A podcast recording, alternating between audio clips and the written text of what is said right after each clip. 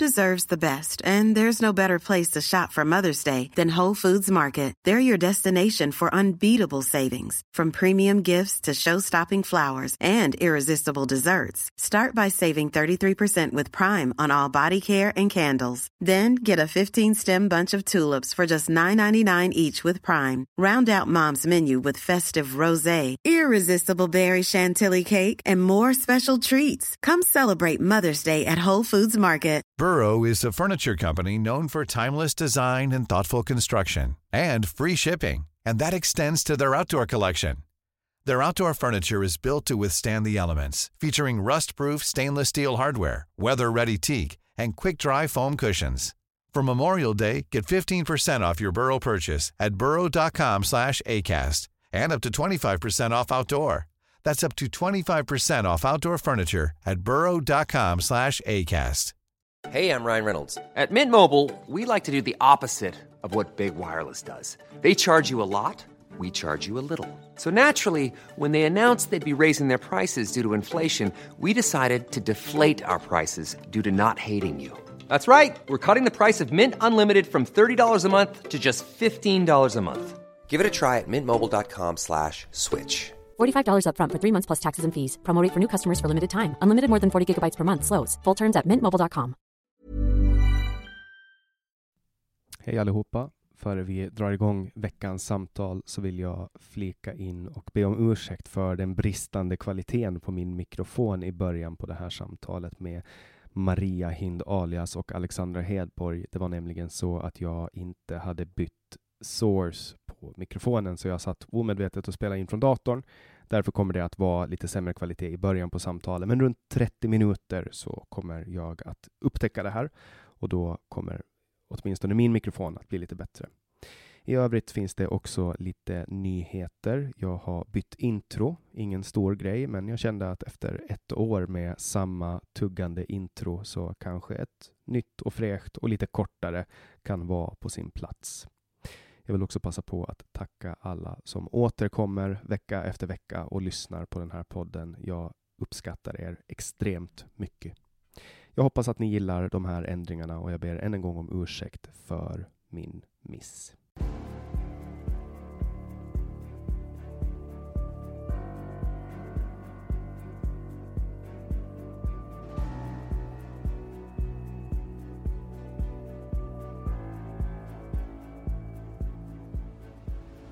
Du lyssnar på podcasten Samtal, en podcast med fokus på fria samtal.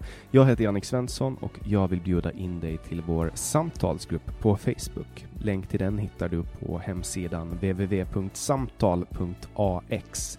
Jag blir också superglad om du vill vara med och hjälpa att stödja det här projektet. Det kan du göra på www.patreon.com samtal eller genom att swisha mig på nummer 070-3522 472. Länkar och nummer hittar du på hemsidan www.samtal.ax. Jag släpper nya samtal varje onsdag året runt och tar tacksamt emot tips ifall det finns någon du vill höra i podden. Idén bakom podden är att fokusera på fria samtal. Vi tror att öppenhet är grunden för det demokratiska samtalet och vill uppmuntra dig som lyssnar att exponera dig för samtal med någon du inte håller med om. Jag heter Jannik Svensson och du lyssnar på podcasten Samtal. Maria Hind alias är socialdemokrat och har profilerat sig inom motståndet mot hedersrelaterat våld och förtryck. Vi samtalar idag också med Alexandra Hedborg som tidigare har gästat podden. Hon är moderat lokalpolitiker i Järfälla. Välkomna hit Maria och Alexandra. Tack! Tack så mycket! Har jag förstått det rätt nu? Är ni på spa-semester tillsammans? ja, det är vi. Eh, Alexandra har faktiskt bjudit mig på den här trippen. Hon kände att vi behövde det båda två så att eh, nu sitter vi här ute i mitt ute i ingenstans. Gimo herrgård. Gimo herrgård är vi på ja. Spännande. Eh, det är kapitalismens tjänst hör jag med, med att Alexandra håller på att dra in dig i kapitalistträsket. Det skulle inte jag vilja påstå. Jag är ganska, alltså jag åker på sådana här spa-weekends ganska flitigt själv också. Man får ju göra avdrag för friskvård om jag har förstått det hela rätt. Inte för att jag tror att det här går in under friskvård men ja det får jo, man ju. Jo men spa går väl in på friskvård? Gör det det? Ja, det tror jag. Ja, Det... Det, beror på, det beror på hur mycket champagne man dricker. Tror jag. Ja. en poäng där ja. Mm. Jag, jag, tycker att det är lite festligt. Jag var ju initiellt lite tveksam till att ha med två gäster. Jag har ju eh, varit motståndare mot den idén under över 60 samtal, 120 timmar eh, som den här podden har spelats in. Men nu blev det så att jag blev övertalad kan man väl ändå eh, säga till att, till att göra det här. Så vi får se hur, hur det går idag. Jag tror att det kan bli ganska roligt. Det känns som att det kan bli ganska kul. Ja, ja gud ja. Det här blir bra. Jag hörde om dig Maria första gången när jag såg dig på SVT. Du var med i ett inslag för kanske, det var något av de tusen debattprogrammen. De lägger ju ner det och startar upp det på nytt under nytt namn varje år. Men det var någonting med Belinda Olsson i alla fall och du var med och pratade om hedersrelaterat våld och förtryck. Ja, det var Opinion Live då i eh, mars förra året. Det var så länge sedan, det är ett och ett halvt år sedan. Ja. Pre-corona. Ja, precis. Och, och, då var det då hade du en, en ton som jag reagerar i alla fall på att den är, det är inte så jättevanligt att höra eh, den tonen från socialdemokrat, socialdemokratiskt håll. Ja, eller så är det där fastän man inte har blivit så uppmärksammad. Man pratar ju, jag blev ju inbjuden till det programmet specifikt för att prata om eh, slöjförbud på minderåriga. Eh, så det var därför jag närvarade i det programmet och sen, vi har väl inte pratat så mycket öppet om det i partiet. Eh, offentligt om man säger så, men vi har ju diskuterat frågan om hederskultur och hedersrelaterat våld. Eh, även om jag var ganska ny tillbaka inne i partiet. Jag hade ju tagit en paus på flera år, eh, så jag hade inte varit tillbaka mer än ett år då när det här inslaget eh, sändes då. Just det. Så, och, och hur har du märkt att det här inslaget, för att det var ju minnesvärt på ganska många olika sätt. Det stod ju någon, det stod ju någon imam i TVn och sa att, att kvinnor inte behöver schamponera sig och sådana saker. Ja, eh. han sa att schamponering är sexualisering. Ja, och det är ju ganska minnesvärt i min värld. Jag tyckte mm. det var mm. ganska roligt. Det blev ett, eh, jag blev ganska ställd eh, under när han eh, påpekar att eh, schamponering är sexualisering och det här fortsatte ganska lång tid efteråt att eh, folk både inom hans led och eh, utanför eh, tyckte att det var så roligt att, och då blev det till slut ett drev mot honom som inte man backade ifrån. Så jag sa faktiskt ifrån till slut att jag tycker inte det här är okej. Okay. Nu behöver vi lägga av och fokusera på frågan istället. Så det blev ganska obehagligt att vittna om hur folk höll på. Och det är ju så med alla politiska frågor. Det är så med allt. Eh, råkar man säga någonting fel, råkar man skriva någonting som är fel så blir det sådana eh, orimliga drev över sociala medier. Och det har blivit en grej nu att folk livnär sig på just de här dreven. Mm. Och, och, det här är, jag kan tänka mig att du har, du har hållit på ganska länge med politik och sånt. Att det finns flera frågor du brinner för än just hedersrelaterat våld och förtryck. Men att det här har lite blivit av den frågan som du blir igenkänd för just för att du har fått vara med i, i TV och så på grund av den. Vad, vad driver du mer än, än just bara de här frågorna? Ja, alltså själva huvudfrågan är ju jämställdhet. Eh, det är ju eh, jämställdhet som ett paraplybegrepp och sen så kommer ju hederskultur under eh, den, det paraplyt om man säger så. Det är eh, jämställdhet och demokratifrågorna som jag brinner eh, väldigt mycket för. Och, och på, på vilket sätt är du mer aktiv än, än Socialdemokraterna? Är du, med, är du med i någon kommunfullmäktige eller?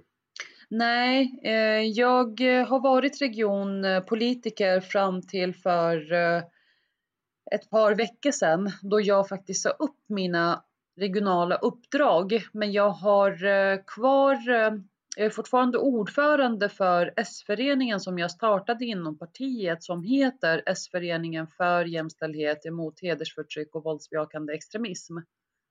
Eh, men jag har inga regionala uppdrag kvar. Vad gjorde att du valde att lämna dem? Eh, jag gick ut och skrev det på mina sociala kanaler att eh, det, hade, det var helt och hållet av personliga skäl Eh, Eh, så det har ingenting med att partiet har eh, sagt till mig eller att eh, jag blev hotad och hatad och det var väldigt många som började spekulera i det där. Men det har ingenting med det att göra utan det var bara personliga skäl. Jag är ju syrian och under corona när corona var som mest aggressivt om man säger så, så har jag faktiskt förlorat ganska många bekanta och personer i eh, min eh, släkt. Och jag kände inte att jag eh, klarade av att vara regionpolitiker och driva liksom, de sjukvårdsfrågorna och vara mitt uppe i det där när jag berördes så mycket privat av corona. Så kort sagt hade det med det att göra. Eh, att jag kände att nu behöver jag liksom backa och sen så får jag ta ett tag en paus liksom ifrån allt det här och sen får vi kolla vad som händer längre fram. Alexandra då, hur, hur har mottagandet från den här podden varit? Vi spelar ju in den här, det var ju före karantänreglerna kom, men det var precis när karantänreglerna kom och du trodde ju att du eventuellt hade corona när vi spelade in det här. Mm. visade sig att det var corona. Ja, jag testade eller positivt för antikroppar nu för någon dag sedan faktiskt. Så att det känns ju skönt att jag har haft det. Men frågan är om du har fått det nu? Jag, jag hade ju faktiskt, eh, alltså vi spelade in på en söndag tror jag, eller om mm. det var en lördag kanske. Två dagar efter så hade jag en jäkla huvudvärk och sov i ungefär 48 timmar i sträck. Ja, ja men då kan det nog ha varit det. Jag hade ingen hosta eller någonting men det här sammanföll också med min eh, typ 22 eller 23 dagars karantän där jag inte ens besökte butiker. Nej. Eh, så jag har ju åtminstone inte spridit den. Nej. Nej, samma här. Jag höll ju mig isolerad och jag var ju lite tveksam där eh, över att åka dit. Men vi bestämde oss för att hålla avstånd och eh, ja, och så. Ver verkar Men... inte gå så jättebra dock för att med tanke på att vi båda fick någon form av symptom och du har antikroppar så... Ja, ja, ja.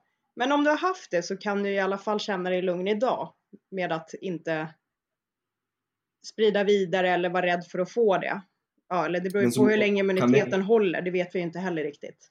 Men kan det inte vara så att man också kan, om någon, om någon uh, corona smittad kommer och host, hostar på mig, um, kan inte jag bära vidare de bakterierna till andra då, även om jag är immun? Bra fråga. Jag vet faktiskt inte. Tänker att de hoppar in och lägger sig under kragen och bara går vidare till nästa sen. Det, alltså, jag tror att, att kroppen, eller antikropparna förstör väl det ganska snabbt då, då, antar jag. Det är väl därför det kallas för att vara immun. Men det skulle väl vara om du får eh, viruset på typ dina händer eller någonting och du går och pillar på saker. Då kan du ju definitivt sprida vidare det. Mm.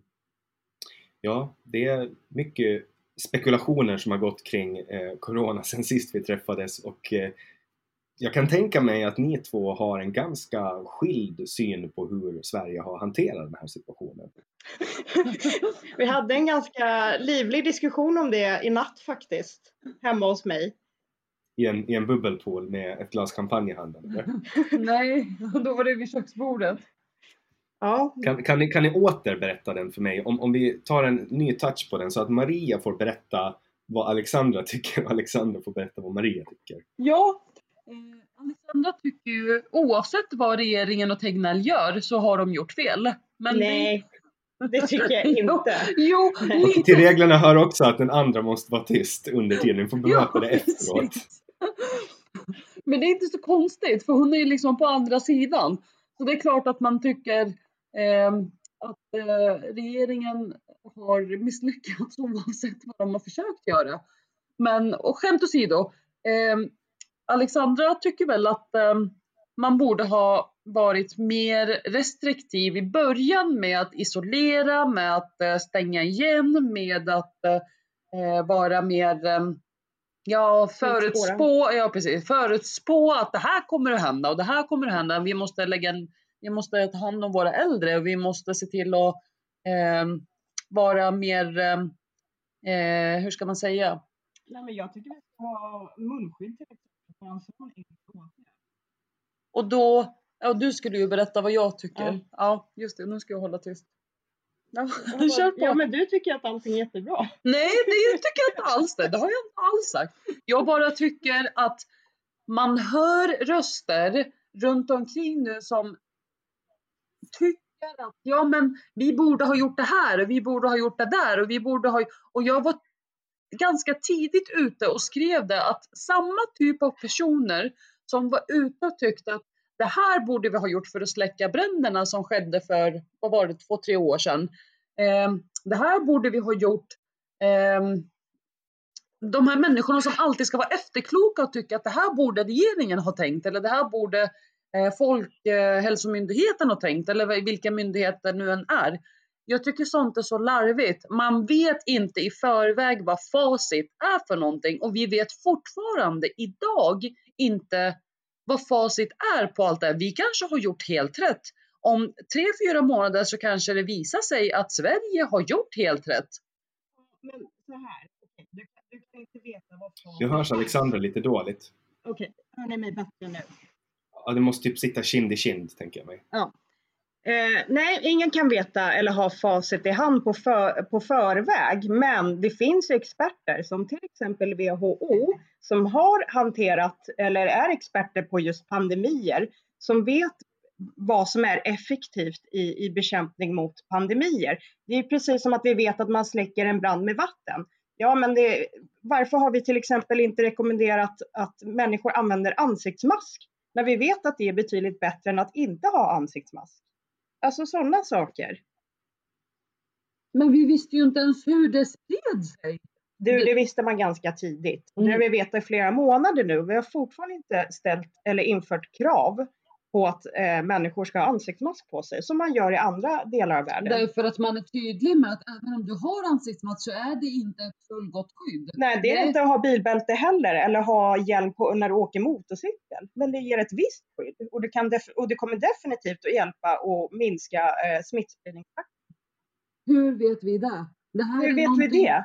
Det, det? De har gjort studier på det. Kom igen Maria. Men studier på det? Det är ju Nej, men de vet ju att det sprids genom, alltså, genom saliv och, och när du nyser och sånt. Och det kan du täcka över med ett munskydd. Ja, jag vet inte. Jag tycker bara att det är en... Ehm, det är enkelt att sitta och tycka att det här borde man ha gjort, det här skulle vi ha gjort, eh, när vi inte har facit i hand. Och sen är det så här, det, det jag säger inte att vi kanske borde ha gjort mer. Jag säger absolut inte det. Man kanske borde ha Eh, skyddat våra äldre i tidigare eh, skede och så vidare. Men det viktigaste är ju när man väl har kommit fram till vad har varit rätt i den här processen, vad har varit fel, vart har vi brustit, att man faktiskt lär sig till nästa gång, för det här är ju inte sista gången vi kommer få en pandemi ut, eh, ett pandemiutbrott, utan man tycker ju sig se att vi kommer få flera sådana och då kanske man ska vara, vara bättre förberedd till nästa gång. Mm. mm. Vi i Finland var ju förberedda. Och jävlar, nu hörde jag mig själv där borta. I Finland, det röt till som fan. Men, eh, vi i Finland var ju förberedda och vi har ju inte lika dystra siffror kan man säga. Eh, så jag tänker att, att, här var det ju kanske också lite vad man gjorde innan eh, mm. pandemin. Men jag tänker att Alexandra ska få beskriva vad Maria tycker om det här. Jag tycker att det kom ganska bra fram nu av, av er lilla debatt här, men, men jag tycker ändå att det kan vara kul att höra Alexandra beskriva Marias hållning i den här frågan. Ja, men alltså hon, ja, hon tycker att man kan inte dra några slutsatser på förhand och man kan aldrig veta, och det är sant, man kan ju aldrig veta på förhand eh, hur allting kommer att falla ut. Men eh, ja, jag tycker ändå någonstans att man ska alltså man ska inte vara rädd för att agera. Man kan inte sitta och utvärdera allting i efterhand utan det måste agera på förhand. Men eh, ja, Maria tycker väl att, att regeringen har gjort så gott de har kunnat utifrån kunskapsläget och, och det kan hon ju tycka, men jag håller inte med riktigt där. Eh, däremot så tycker jag att eh, regeringen har hanterat just eh, stödpaketen ganska bra. Och det tror jag också du håller med om, Maria. Ja, nu är den här robotrösten igen. Jag hoppas att inte här kommer med på inspelningen, robotrösten. Men det visar sig först i efterhand. Men i sådana fall så får lyssnarna leva med att ni bryter av lite robotar. Nej, och sen så en sak till är ju att um, Nu kommer jag bort mig. Jag hade något jättebra att säga när du höll på att prata. Jag kan tyvärr inte läsa dina tankar. Jag önskar att jag kunde göra det men Det här måste du klippa. Jag, hoppa, jag hoppas ju inte att, att jag är anledningen nu till att er spasemester slutar i en massaker. nej, nej. Ehm, vi är trötta. Vi har varit igång hela dagen. Vi, vi är vana med att ha livliga diskussioner men vi blir inte ovänner för det. Jo, vad jag skulle säga, vad jag, även om vi inte har facit i hand, även om man ska invänta utvärderingen och Eh, man inte kan dra några slutsatser nu, så kan jag ändå tycka att vi borde ha, i och med att det är ett virus, det har konstaterat att det var ett virus ganska snabbt, vi vet att vi inte har några vaccinationer emot detta virus, för det har ingen, eh, för det går inte ens ha knappt en vaccination mot ett virus. Det är jättesvårt. Hade varit något helt annat om det var en bakterie eh, så borde vi ha varit tidigare ute och faktiskt skyddat våra äldre. Eh, våra riskgrupper, inte specifikt äldre utan våra riskgrupper. För man vet att riskgrupperna råkar illa ut oavsett vilket virus det är. Det kan vara ett vanligt förkylningsvirus eller det kan vara ett vanligt, eh, om det är vinterkräksjukan eller vad det nu är för någonting. Då vet man att man råkar illa ut och kan, det kan vara livshotande för riskgrupper. Där tycker jag att man borde ha varit lite tydligare, även om Anders Tegnell har varit väldigt tydlig. Alltså han har varit tydlig. Han har uppmanat folk till eh, att distansera sig. Han har uppmanat folk att hålla avstånd. Han har inte gått in och pekat med hela handen och tyckt att ja, men nu ska ni vara hemma, nu ska vi ha en lockdown, nu ska vi, vi har ju inte gjort som de andra länderna, men han, man kan inte anklaga honom för att inte ha varit tydlig, för det har han faktiskt varit. Ja, han har ju varit tydlig men sen har han ju ändrat sig ganska ofta också, frekvent. Och när han konfronteras med fel så erkänner han ju inte att det är fel heller. Och det är en brist. Har man fel, upptäcker man att man har fel, då ska man inte prata bort det. Man ska inte prata kring det eller runt det. Det är bara erkänna, jag hade fel, Eh, så här ligger det till, jag ber om ursäkt, nu liksom fortsätter vi försöka eh, göra någonting åt det här gemensamt och tillsammans. Det tycker jag ju för sig att de flesta offentliga personer, eh, oavsett om man är en artist eller om man är politiker eller om man är ehm, folkhälsovetare eller om man är Anders Tegnell, att man har kanske svårt att erkänna när man har fel. Jag vet inte ifall det är en typisk liksom, grej som människor som är offentliga bär på, att man har svårt att erkänna brister. Jag vet inte hur det kommer sig, men det är väl en... Ja, alltså jag tänker också, vad tror ni att, att det här skulle vara annorlunda om man fortfarande hade tjänstemannaansvar i Sverige? Ja, det tror jag absolut. Det tror jag definitivt att det hade varit. Jag menar, nu kan ju Tegnell bli nästa Dan Eliasson. Man bara skickar in honom i nästa myndighet. De konstaterar att ah, men nu blev det lite fel och så skickar vi honom till Skatteverket eller någonting. Eller så får han bara ett jättefint avgångsvederlag och kan sen gå i pension. Det är det. Alltså så funkar, så funkar det ju inte med, med de här höga posterna. Dan Eliasson, man skickar ju bara honom, man återanvänder ju honom liksom. Ja, men Tegnell börjar bli till åren. Den är ju inte jättelångt ifrån pension heller. Så jag tänker mig att han kommer nog få ta smällen, han kommer få gå och sen får han ett jättefint avgångsvederlag. Och så kan han få leva gott i, i resten av sina dagar. Det vet jag inte. Sen så, eller så upptäckte vi att ja, men han gjorde faktiskt det han kunde göra under rådande förutsättning, under rådande situation.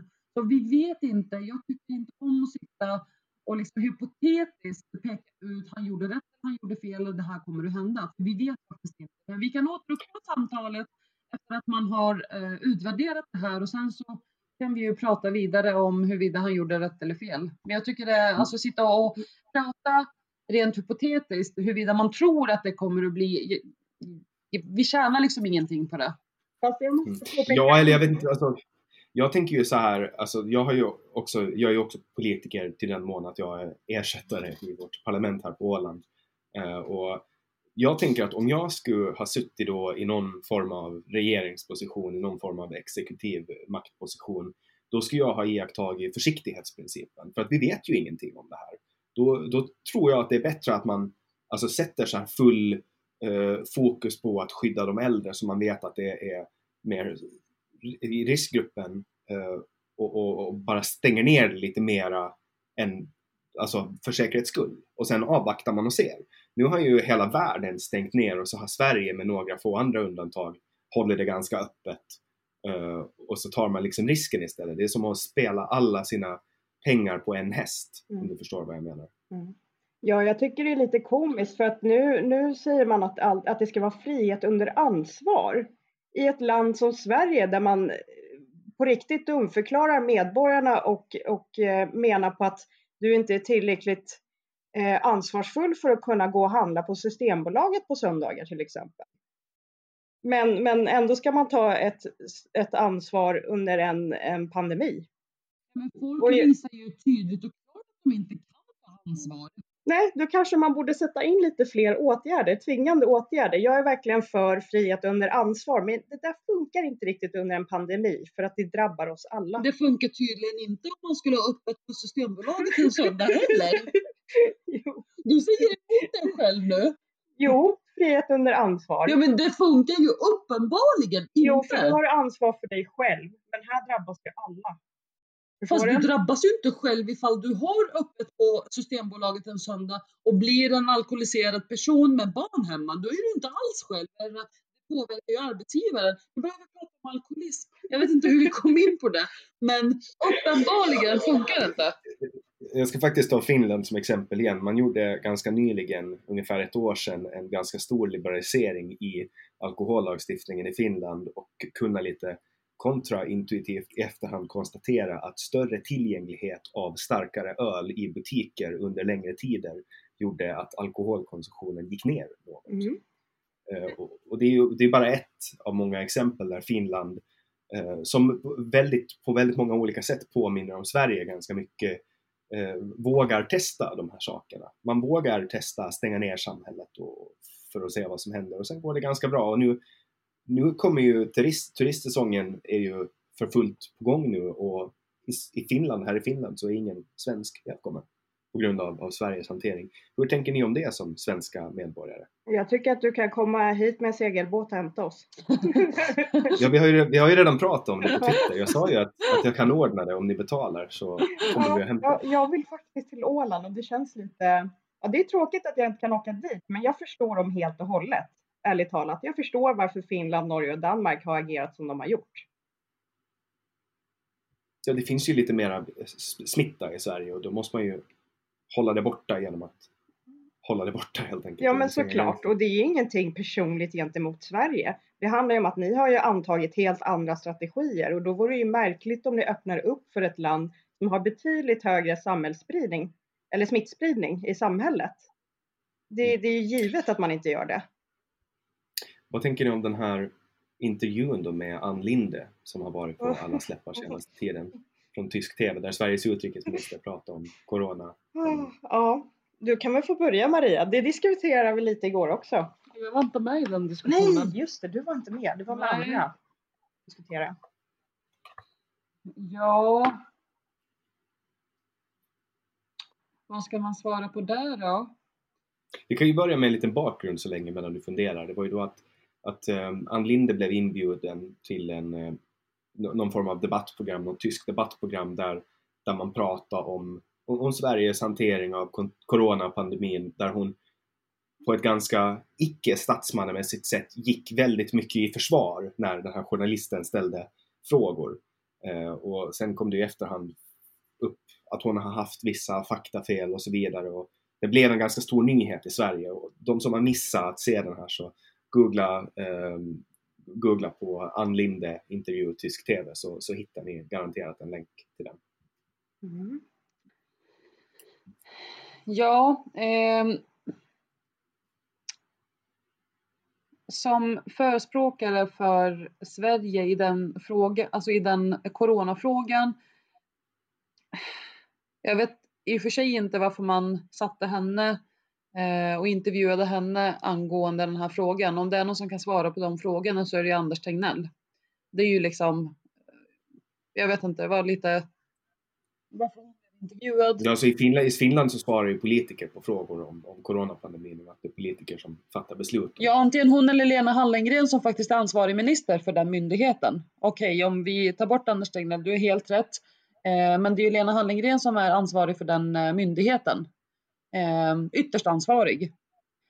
Men hon, jag tänker så personligen att skicka fram Lena Hallengren skulle ha blivit ännu större kaos. Tror inte det också?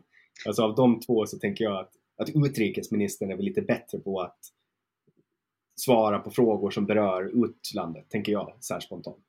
Jo, absolut, men hon frågade ju om Sveriges hantering. Hon pratade om eh, Sveriges hantering och inte om utlandets hantering. Men skitsamma. Eh,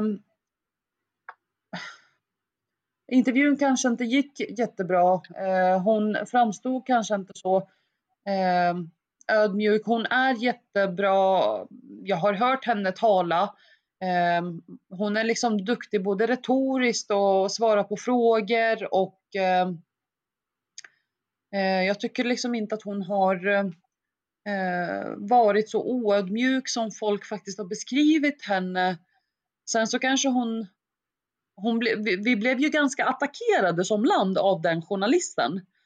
Eh, och då kanske svaren blev utifrån den retoriken som journalisten körde mot henne.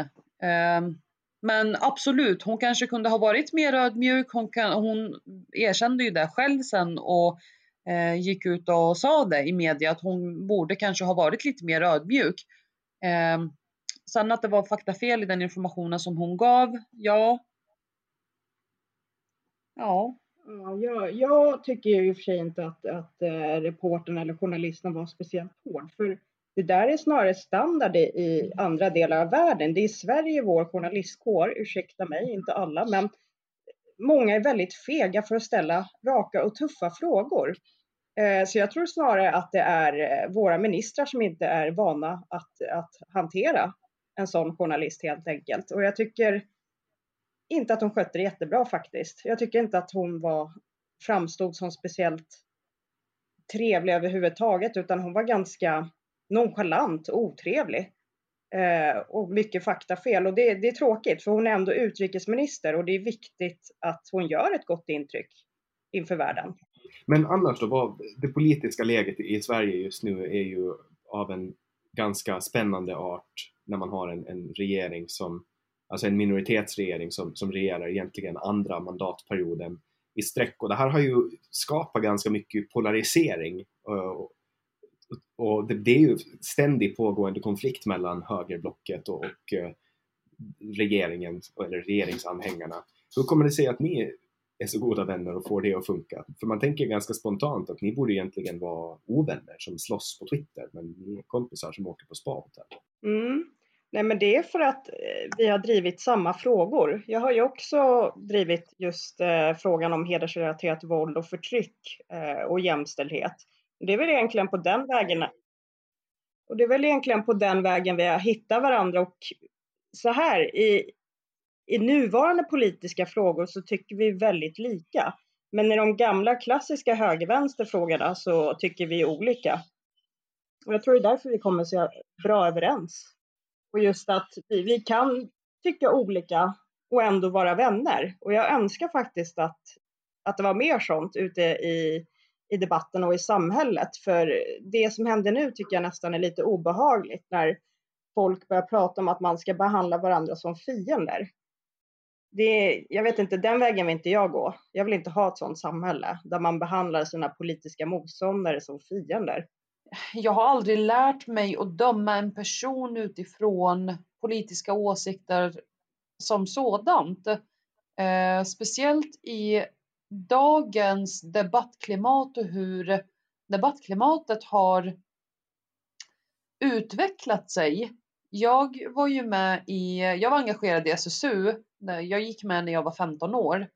Och så var jag engagerad i partiet tills jag blev 24 ungefär och sen hoppade jag av. Eh, och sen kom jag tillbaka till politiken för tre år sedan nu. Och jag det har ändrats väldigt mycket under de här åren då jag var borta. Tonen har blivit väldigt grov. Den har blivit väldigt hård. Eh, man blir bedömd som person utifrån vilka personer man umgås med, vilket för mig är helt obegripligt. Men det har blivit så. Det var inte så eh, tidigare. Och någonstans har jag börjat få en eh, liksom att jag verkligen tror att det handlar inte längre om huruvida jag vill att, att, att skatterna ska sänkas eller höjas så som vi pratade när jag var engagerad politiskt för väldigt många år sedan. Det är inte där skiljelinjen går längre. Eh, för mig handlar det snarare om vilken, vilket samhälle vill vi ha och vilka värderingar har vi? Och det är mer den frågan som binder oss samman. Det är den frågan som gör att jag utan några problem överhuvudtaget kan vara väldigt god vän med Alexandra. Vad tycker folk om det då? Alltså folk förstår inte, vi får ju sådana kommentarer hela tiden över sociala medier att man, man uppmuntrar att vi är så goda vänner, att vi umgås så mycket, att vi försöker göra saker och ting eh, tillsammans. Vi har skrivit no någon debattartikel gemensamt och skickat in den. Eh, för man ser inte att det finns eh, det samarbetet över blockgränserna längre i Sverige. Eh, står man på den röda sidan så hatar man den blåa och står man på den blåa sidan så hatar man den, den röda. Eh, och jag förstår inte den mentaliteten som har växt upp och liksom blir bara större och större i Sverige. För mig handlar det om, är du en demokrat, värnar du om demokratin i Sverige, eh, om jämställdheten, om att alla människor ska få leva i frihet, i trygghet, då står vi på liksom samma planhalva. Oavsett om jag tycker att friskolorna ska stängas ner och Alexandra tycker att de ska finnas kvar. Eller du hade ändrat uppfattning om det, eller hur? Ja, ja jag vill reformera. Ja. Eh, det upptäckte jag för eh, några dagar sedan där jag blev lite chockad och frågade Alexandra när blev du sosse utan att jag visste om det. Ehm, så jag tror att det handlar mer om vilken samhällsutveckling vi har fått som har eh, lett oss fram till att människor på olika politiska block inte kan prata med varandra och det har blivit så infekterat. Och det är där någonstans jag och Alexandra känner att vi har ett eh, ansvar att visa att det går att prata med varandra oavsett vad man tycker politiskt så går det att prata med varandra. Vi kan samarbeta i olika sakpolitiska frågor för Sveriges bästa. Och det är det enda vi har i åtanke, ingenting annat. Och har man det i åtanke, då blir det väldigt enkelt. Mm. Och vad, vad, är det, när folk eh, kritiserar vänskap, vad är det folk tycker? Vad, vad är det folk påpekar då? Alltså, från mitt håll i alla fall så brukar det främst vara folk ute på högerkanten som snackar om att jag är en förrädare och att jag är en sosse och bla bla bla, kommunist och allt det där. Men, men de struntar jag faktiskt i. För de flesta, eller de, den övervägande majoriteten, tycker att det är kul och, och uppmuntrar faktiskt det.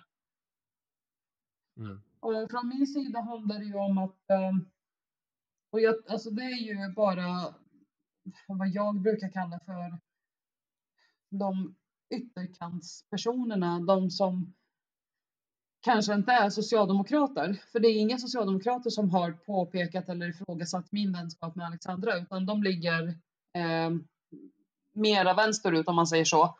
Eh, och där tycker de att jag håller på att beblanda mig med eh, det brunblåa eller blåbruna blocket eh, och tycker att jag är en eh, egentligen en sverigedemokrat som borde gå över till Sverigedemokraterna. Jag har ingenting hos sossarna att hämta. Och det, ja, och det har att göra med att jag kan prata med eh, ja, bland annat Alexandra. Du umgås med en moderat och då ska du gå över till Sverigedemokraterna? Ja.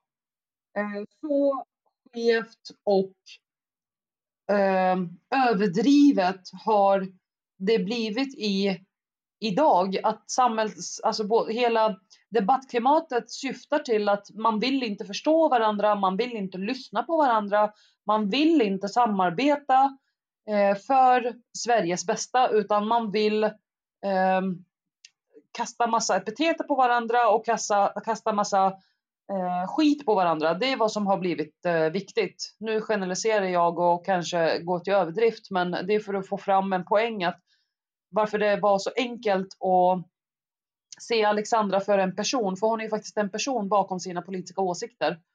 eh, och inte som en moderat. Och det här med hedersförtryck, vad var det som gjorde att, eh, eller hedersrelaterat förtryck och våld, vad var det som gjorde att du blev in, intresserad av det, av, av alla frågor? Jag har själv eh, råkat ut för hederskultur och tagit mig ur hederskulturens grepp, om man säger så.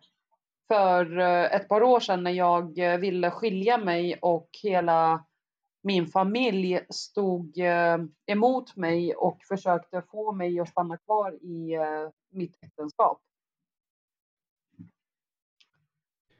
Och, och det här var, hur, hur länge sedan var det ungefär då? Jag lämnade honom för snart fem år sedan. Och jag har hela tiden under hela min uppväxt levt i den här hederskulturen.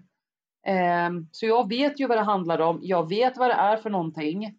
Och jag eh, är väldigt tydlig med att ehm, poängtera att jag är syrian, vilket betyder den folkgrupp där vår religion är kristendomen. Vi är ortodoxa. Eh, så det har inte med eh, religionen att göra utan det är en heder, alltså det är en kulturfråga eh, där både kristna, judar, muslimer, alla över den religions, religionsspannen råkar ut för det ifall man tillhör en specifik kultur. Mm, många tänker ju muslim så fort de hör hederskultur. Och det är där jag försöker visa att det är inte sanning. För att om man fortsätter spä på att det bara är muslimer som råkar ut för det här, då glömmer man faktiskt bort alla andra som faktiskt råkar ut för det här och inte blir uppmärksammade då. Så det är ju livsfarligt. Mm. Det är väl också en hederskulturgrej egentligen om man, om man är lite, alltså om man hårdrar det lite, typ folk som säger att ja, men du ska gå universitetet, annars är du inte välkommen på våra familjemiddagar. Det är väl också en form av hederskultur? Nej, då har man inte riktigt hederskultur är för någonting. Okej, okay. då, då, får du gärna fylla i mina luckor. Jag trodde att det hade med alltså att det inte måste vara religiöst hedersförtryck eller moraliskt från en, en tro för att göra det, utan att det hade med eh, familjeheder i allmänhet att göra, påtvingat beteende när vi pratar hederskultur och den kontexten som jag pratar om, då handlar det om kvinnans sexualitet. Det är liksom där allt bottnar. Att man ska styra kvinnans sexualitet och inom den ramen så finns det olika förhållningssätt och regler som man behöver upprätthålla för att inte dra skam över familjen. Hederskultur själva begreppet är lite vilseledande. Man kanske hade kunnat använda ett annat eh, ord för det, men nu är den ju vedertagen och det är ju vad folk känner igen. Eh, men det handlar alltså om eh, kvinnors sexualitet där eh, det viktigaste är att eh, en tjej ska behålla och vara oskuld vid eh, giftermål. Och då tar man till olika sätt och olika metoder för att säkerställa att det faktiskt är så tills den här flickan då är oskuld. Förutom det så sker förtrycket på olika sätt. Jag exempelvis eh, kunde inte gå ut på stan som 16-åring eh, i Eskilstuna utan att mina föräldrar fick samtal om vem jag gick med, vem jag pratade med, om jag skrattade för högt på stan, om jag höjde rösten när jag pratade. Det är liksom på den detaljnivån som man blir kontrollerad eh, om man lever i den här kontexten. Fanns det någon punkt i ditt liv där du upplevde det här som, som det normala? Hela mitt liv har jag upplevt att det här är det normala. Problemet var att jag kom till Sverige när jag var ungefär sex år gammal, vilket gjorde att jag jag gick ju i skolan, i svensk skola under hela mitt liv. Jag har gått både grundskolan, gymnasieskolan och högskolan i Sverige. Eh, så jag har ju levt, kan man säga, två parallella liv där jag har varit tvungen att vara anpassningsbar eh, när jag har varit i skolan med mina svenska eh, klasskompisar och sen så vara en syrian när jag är hemma, när jag eh, träffade vänner eh, eller om jag, vad jag nu ville göra. Så att jag har hela tiden, och det är ju inte bara jag, utan det är generellt för alla de här pojkarna och flickorna som bor och eh, lever i de, eh, den här kontexten, att de har två olika, hur ska man säga, personligheter. Man får två olika personligheter som man måste leva med. Hur, hur um, visar du det här? Pratade du med dina kompisar om det eller, eller försökte du liksom dölja det här som någon form av familjehemlighet? Det var en familjehemlighet. Det var ingenting som man pratade om. Och även om jag hade velat göra det så hade ju ingen förstått. Hur skulle jag förklara för min svenska kompis att jag inte eh, fick gå ut på kvällarna, att jag inte... Eh, och nu var jag ganska hur ska man säga, skonad om man jämför med mina andra släktingar. För jag var engagerad politiskt, vilket mitt pappa, min pappa var väldigt stöttande för det och eh, uppmuntrade mig till att faktiskt eh, engagera mig politiskt. Så jag var ganska skonad. Jag fick gå på möten. Eh, jag fick eh, övernatta med eh, SSU när vi åkte på kurser. Men det visste ju jag att det var en ren omöjlighet för mina kusiner och mina släktingar. Mm. Eh, och det här är, någonting som eh, han kanske inte skulle ha tillåtit om han visste att du sen skulle börja eh, motverka den kultur, antar jag, som fanns inom familjen. Ja, det var ju så att han var ju den som faktiskt stod mest emot mig när jag ville lämna mitt ex. Eh, och försökte, under ett och ett halvt år så satt jag i ehm, vad man kallade för förhandling. Där man försökte förhandla fram eh, vad jag tyckte var acceptabelt för att kunna stanna kvar hos mitt ex. Där vi fick besök var och varannan dag av eh, både släkt och bekanta och eh, vänner till familjen där de försökte övertyga mig på olika sätt eh, att jag skulle stanna kvar då med mitt ex. Och till slut så efter nästan ett och ett halvt år så kände jag nej, nu är det bra. Så jag gav mina föräldrar ett ultimatum. Antingen så förstår ni att jag vill lämna mitt ex då. Eh, eller så kommer jag ta mina barn och jag tar mitt pick och pack och så sticker jag liksom härifrån. Och någonstans där föll polletten ner och de eh, accepterade väldigt motvilligt. Eh, det som var det som var vändpunkten för hela mitt arbete var när eh, min pappa själv vid ett tillfälle så hade de eh, de absolut värsta i min släkt då som pratade väldigt mycket skit om oss tjejer, vad vi än gjorde när vi var yngre så var de på besök hos mina föräldrar en eh, kväll. Och så satt de och drack kaffe där och pratade. Och apropå ingenting så säger min pappa till dem varför börjar vi inte behandla tjejer och killar på samma sätt? Vi måste börja behandla flickorna och pojkarna på samma sätt. Och det kom liksom så från en, som en blixt från klar himmel. Jag förstod inte vart det kom ifrån. Och de här eh, kvinnorna tyckte ju att ja, men det här fikat eh, tog ju, blev ju inte riktigt bra, så de avslutade ju det och sen så gick de därifrån och blev skitförbannade på min far.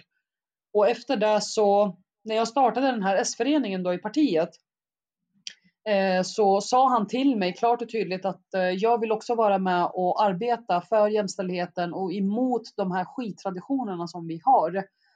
Eh, så han gick faktiskt med i styrelsen och satt eh, med i den. Resten av släkten gentemot honom, hur, hur reagerar de på det? Ja, alltså vissa har ju markerat klart och tydligt att de inte tycker att hans förändring eh, har varit okej, okay, men han har ju skitit totalt i det. Han har ju inte brytt sig överhuvudtaget. Eh, men eh, vissa har ju tyckt att, eh, vissa har framfört att det är bra att eh, man börjar uppmärksamma det här och prata om det här eh, efter så många år i Sverige, för vi har ju, vi har ju bott i Sverige i nästan 30 år. Eh, så att eh, det har varit både liksom positiva och negativa ehm, erfarenheter som han har fått efter att eh, faktiskt ha stått upp och sagt att nu behöver vi börja arbeta med den här frågan på riktigt. Och det har ju han märkt för han har ju stått eh, i en eh, efter en gudstjänst eh, en söndag eh, så är det ju ungefär 300-400 syrianer samlade. Han har tagit mikrofonen och ställt sig upp och pratat eh, framför hela församlingen att nu behöver vi börja behandla flickor och pojkar på samma sätt. Så han har ju inte hållit det inom släkten utan han har ju arbetat aktivt med det inom hela eh, församlingen liksom. Hur är, det med, hur är det med män? Om en, en man vill eh, skilja sig, är det okej okay, eller? Alltså det där skiljer sig lite från släkt eh, till släkt, om man säger så. Eh, men det är mer accepterat att en man skiljer sig än om en kvinna säger att hon vill skilja sig. Vad är det som gör att det, att det har blivit så? Att, det, att kvinnor på något sätt har mindre att uh, säga till om än, än män? Ja, men det har ju att göra med hela våran kultur, vart vi kommer ifrån. Alltså vi kommer ifrån Mellanöstern. Och det är ju inte så att kvinnor har så mycket att säga till om där. Varifrån i Mellanöstern kommer det? Jag är född i Bagdad. Så vi är från eh, Irak ursprungligen. Eh, och det har inte varit så att eh, kvinnors rättigheter har synts eller att man har arbetat för dem eh, nere i Mellanöstern på något sätt. Så att det är ju en kultur som man har fört med sig från eh, hemlandet. Och det är det som gör mig så fruktansvärt provocerad och arg eh, över hela diskussionen när, när man pratar exempelvis integration. Det är ju det här som man har misslyckats med när det gäller integrationen. Att det tog min far 30 år, nästan 30 år, att säga nu måste vi behandla flickor och pojkar på samma sätt. Det ser jag som ett gigantiskt integrationsmisslyckande. Eller vad säger du Alexandra? Ja, herregud ja. Eh, jag minns inte exakt siffra, men man uppskattar väl att ungefär, är det två eller 300 000 ungdomar eller unga personer är utsatta för hedersrelaterat våld och förtryck i Sverige. Och då har vi ju inte räknat med de vuxna heller.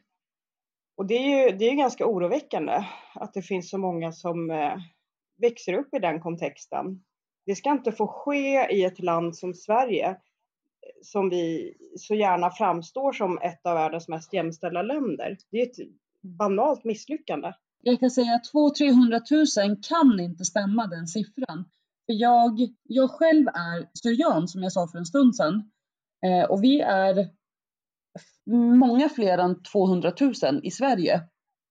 Och jag kan säga att familjer på ett eller annat sätt och på olika sätt råkar ut för kultur, alltså lever i hederskulturen och råkar ut för förtryck på olika sätt.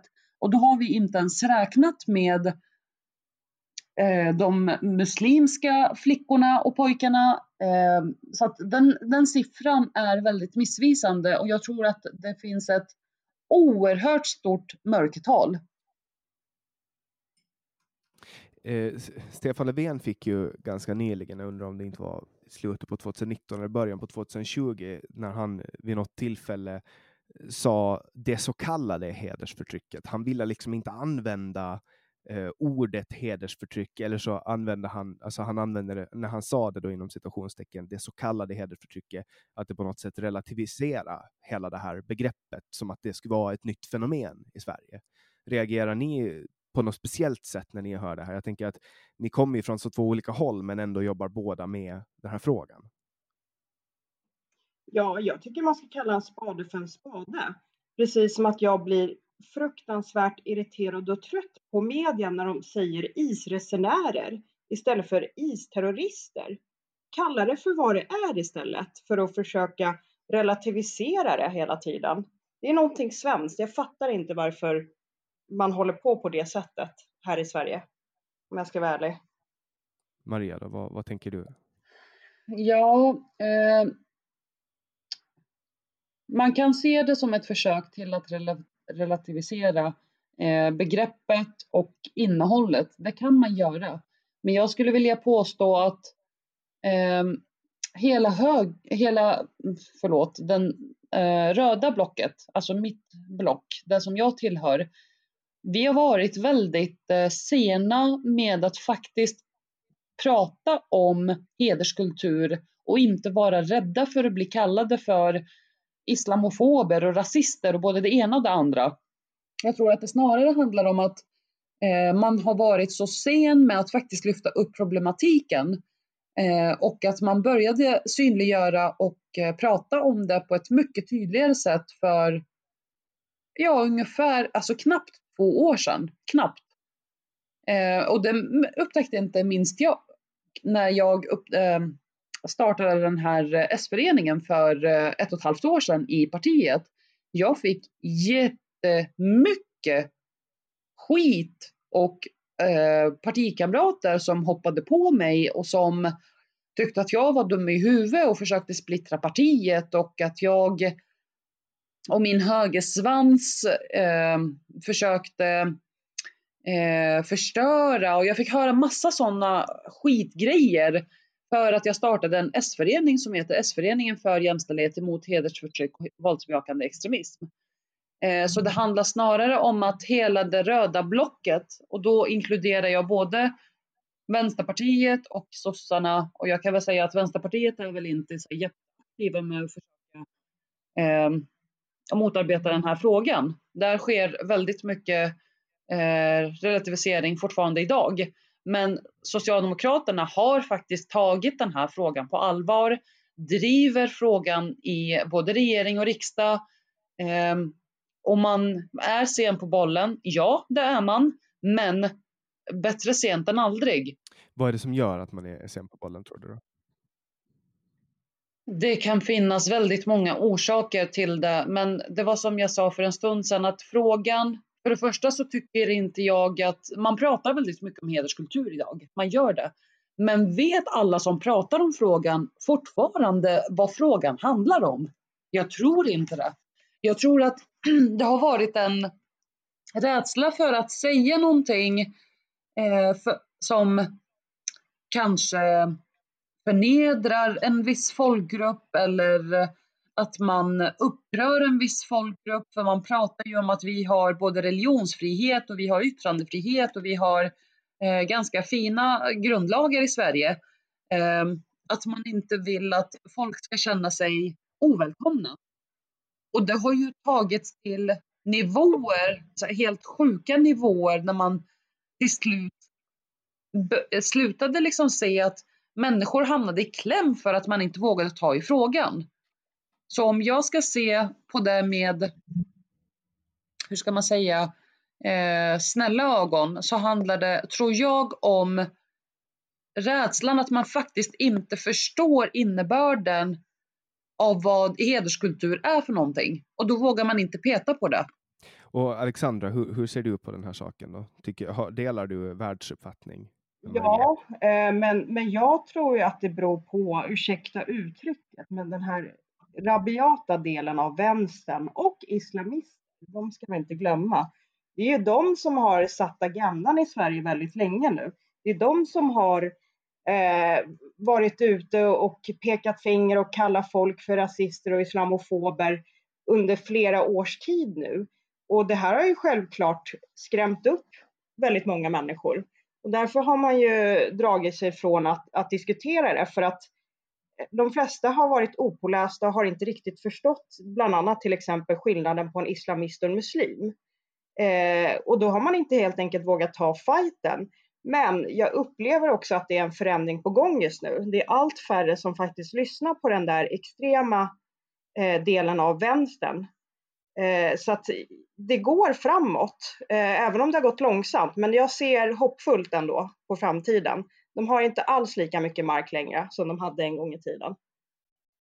Om vi ska byta ämne snabbt och hoppa till någonting eh, som jag personligen är lite spänd att få höra er clincha om. Black Lives Matters. Ja. Nej, måste vi prata om det? Ja, det måste vi, för att jag håller på att kokar vatten till kaffet här i bakgrunden, så jag behöver muta mikrofonen för att göra en så behaglig upplevelse som möjligt för lyssnarna. Så jag kastar in den här bomben nu och så kokar jag lite kaffe. Vem vill börja? Börja du Alexandra. Så här.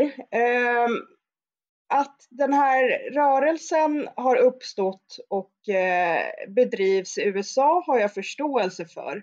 För USA har en, en historia av eh, rasism och eh, förtryck mot eh, afroamerikaner.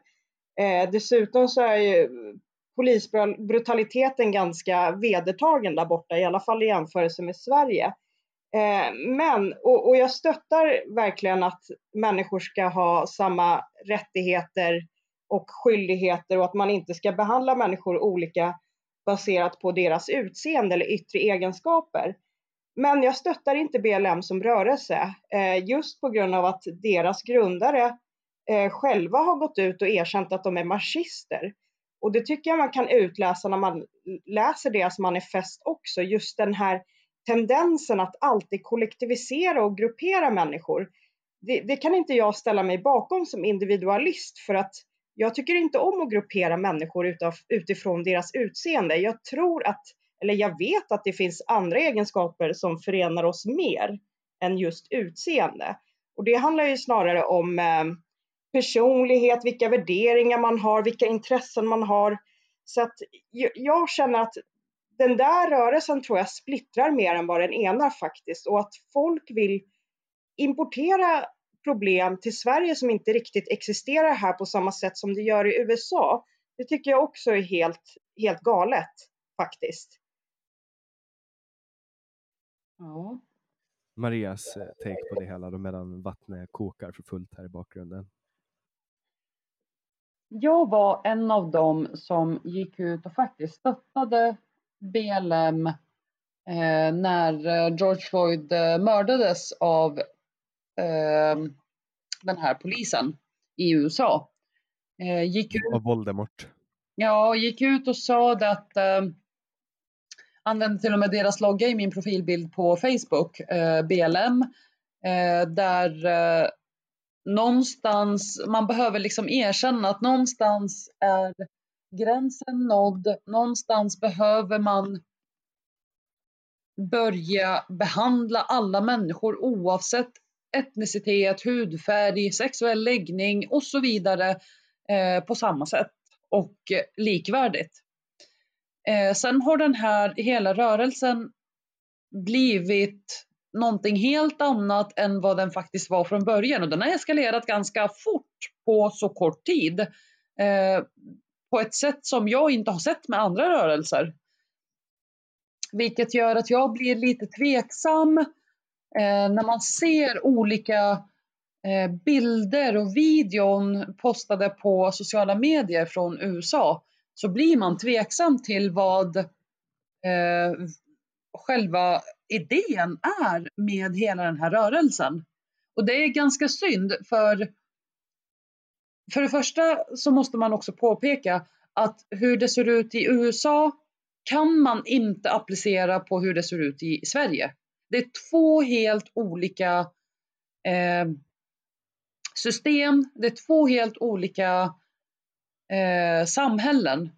Man... Men i Sverige håller man ju på att försöka riva ner eh, statyer nu liksom. Och det, och det här kommer ju från USA. Och, alltså, det har jag också gått in och skrivit och helt förkastat om vi ska riva ner någon staty eller någonting överhuvudtaget på en offentlig plats, då ska det tas ett politiskt beslut, ett majoritetspolitiskt beslut om det och så ska kommunen gå in, eller staten eller regionen eller vad, vem det är nu som äger eh, statyn. Eh, då ska de gå in och ta bort det. Det ska inte rivas ner, man ska inte eh, kladda ner de statyerna som finns och man ska inte hålla på och eh, förstöra medvetet eh, bara för att. Det, alltså, det är jag emot. Men du är ändå öppen för att man ska kunna gå in och, och, revidera historien och ta ner folk som har haft åsikter som idag inte passar in i narrativet? Nej, men, det beror helt på. Jag tror i och för sig inte, alltså när diskussionen har gått till att bli att man vill riva ner eh, Linnés st statyer, då, då har diskussionen gått lite för långt.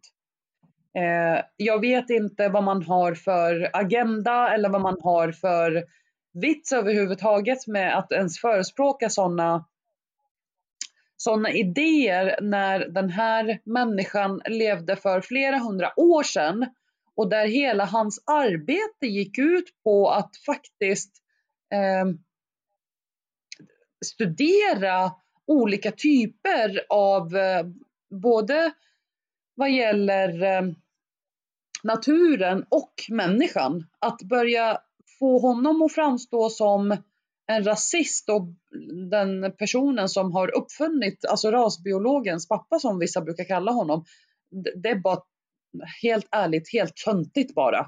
Det är larvigt och det är töntigt och det är fånigt och det, det fördummar debatten något så kopiöst. Eh, vi ska göra någonting idag för att människor som lever idag och för våra barn och barnbarn och liksom för framtiden att man ska arbeta för att alla människor ska ses som likvärdiga, att alla människor ska oaktat om man är svart, brun eller vit eller eh, vad man nu är för någonting, att man har samma möjligheter i samhället. Det borde rimligtvis vara det som man prioriterar och ingenting annat. Så hela den här rörelsen, även om jag har varit en av dem som faktiskt stöttade den från första början, så har den blivit någonting helt annat efter ett, bara ett par veckor. Jag tänker, och jag har ställt frågan till Alexandra några gånger, vart ställer jag mig i den här diskussionen? Jag är ju svartskalle men är vit. Vad blir jag för någonting i hela det här? Och alla vi andra som inte är liksom svarta eller vita. Alltså diskussionen blir ju så dum. Det är men hur kan, du vara en, hur kan du vara en svartskalle och vara vit? Ja, precis. Hur kan man vara där? Jag är ju vitare än vad Alexandra är i, hud, i hudtypen liksom. Men jag är ju fortfarande svartskalle. vad är en svartskalle? Att jag är en invandrare. Okej, okay, så en invandrare är en svartskalle? Men Eller inte invandrare. invandrare är man en gång när man har liksom kommit in i landet. Sen är man en invandrad person. Ja, jag är ju en invandrare. Jag har ju vandrat in i Sverige. Ja, så att jag vet inte om du har svar på din fråga, men frågan är väldigt komplex och vi ska absolut arbeta för eh, att ta bort rasismen som existerar i Sverige. Vi kan inte göra någonting, alltså om vi river ner statyer i Sverige så har vi inte hjälpt de som bor i USA. Alltså det blir så konstigt när man resonerar på det sättet. Vi ska absolut lyfta upp frågorna, vi ska absolut prata om dem, men man kan inte jämföra Sverige med USA. Det går inte. Jag menar, det finns ju saker. För mig känns det som att det är ganska eh, det känns som att det är ganska slumpartat vad det är som hamnar på världsagendan. Nu har ju klimatet ganska länge varit på världsagendan och det har varit stora protester. De har ju varit ganska fredliga dock, skolstrejk för klimatet och så vidare. Och före det så var det andra former av strejker. Eh, det var bland annat i Sverige de här eh, killarna från Afghanistan som satt där på Medborgarplatsen på trapporna. Det pågår ju alltid någon form av protester och demonstrationer och så vidare. Och det känns som att det ofta blir ganska slumpartat lite vad det landar på. För att det finns ju förtryck som är väldigt påtagligt. Alltså till exempel Kinas förtryck mot politiskt utsatta. Alltså man, oliktänkare, man slänger folk i fängelse och man lemlästar dem och man eh, torterar och man dödar och, och liksom, det är ingen som står ute på gatorna och skriker om det här. Alltså, det, eh, ni, ni förstår vad jag menar. Det känns som att det helt plötsligt bara så dyker det upp någonting och så är det väldigt inne att protestera och ha den politiska åsikten och man gör någonting åt det. Alltså som H&M har nu gått ut och skänker massa pengar till Black Lives Matter. Så man har på, på de här man har ganska lätt hakat på de här trenderna, alltså företagen hakar på eh, delen i min analys där, att, att det är som att det går i vågor, att det är mode att protestera mot någonting eller för någonting? Jo, men så är det. Och det skiftar ju fokus hela tiden. Jag har ju tänkt på det här också. I början av 2010-talet så var det migrationsfrågan som var väldigt het. Eh, just det här att alla ska med och du vet öppna gränser. Då stod man ju och protesterade för det där. Eh, och sen hoppade man ju vidare till hela metoo-rörelsen och däremellan har det ju funnits hbtq och, och trans och, och, hela den biten. Och sen var det miljö och sen hoppar man vidare till nästa sak. Varför är ingen liksom ute och protesterar för rena vattenfilter till barnen i Kambodja? Alltså sådana saker tänker jag. Varför, eh, varför blir det just, vem är det som sätter agendan? Alltså, om man tittar på både liksom metoo och Black Lives Matter så har ju båda de börjat i USA och båda har ju börjat, alltså metoo började ju av Alissa Milano, ett inlägg där. Och eh, Black Lives Matter startade, eller just den här protestvågen, det har ju hänt tidigare också med Michael Brown, eh, startade ju efter det här mordet. Så att vi lever ju i en digitaliserad värld och, och, i, och i, med det i vetskap så kan du ändå få ut budskap väldigt snabbt och sprida dem väldigt snabbt och få en ganska stor impact. Och vad som styr det, jag tror det är slumpen i många fall. Och, och i vissa fall är det inte det. Greta Thunberg startade ju miljö eller klimat, eh, för klimatet och det var ju ganska unikt att det kom från Sverige. Mm. Det var det. Vad, vad ska ni lägga era pengar på att bli nästa grej att demonstrera för eller emot?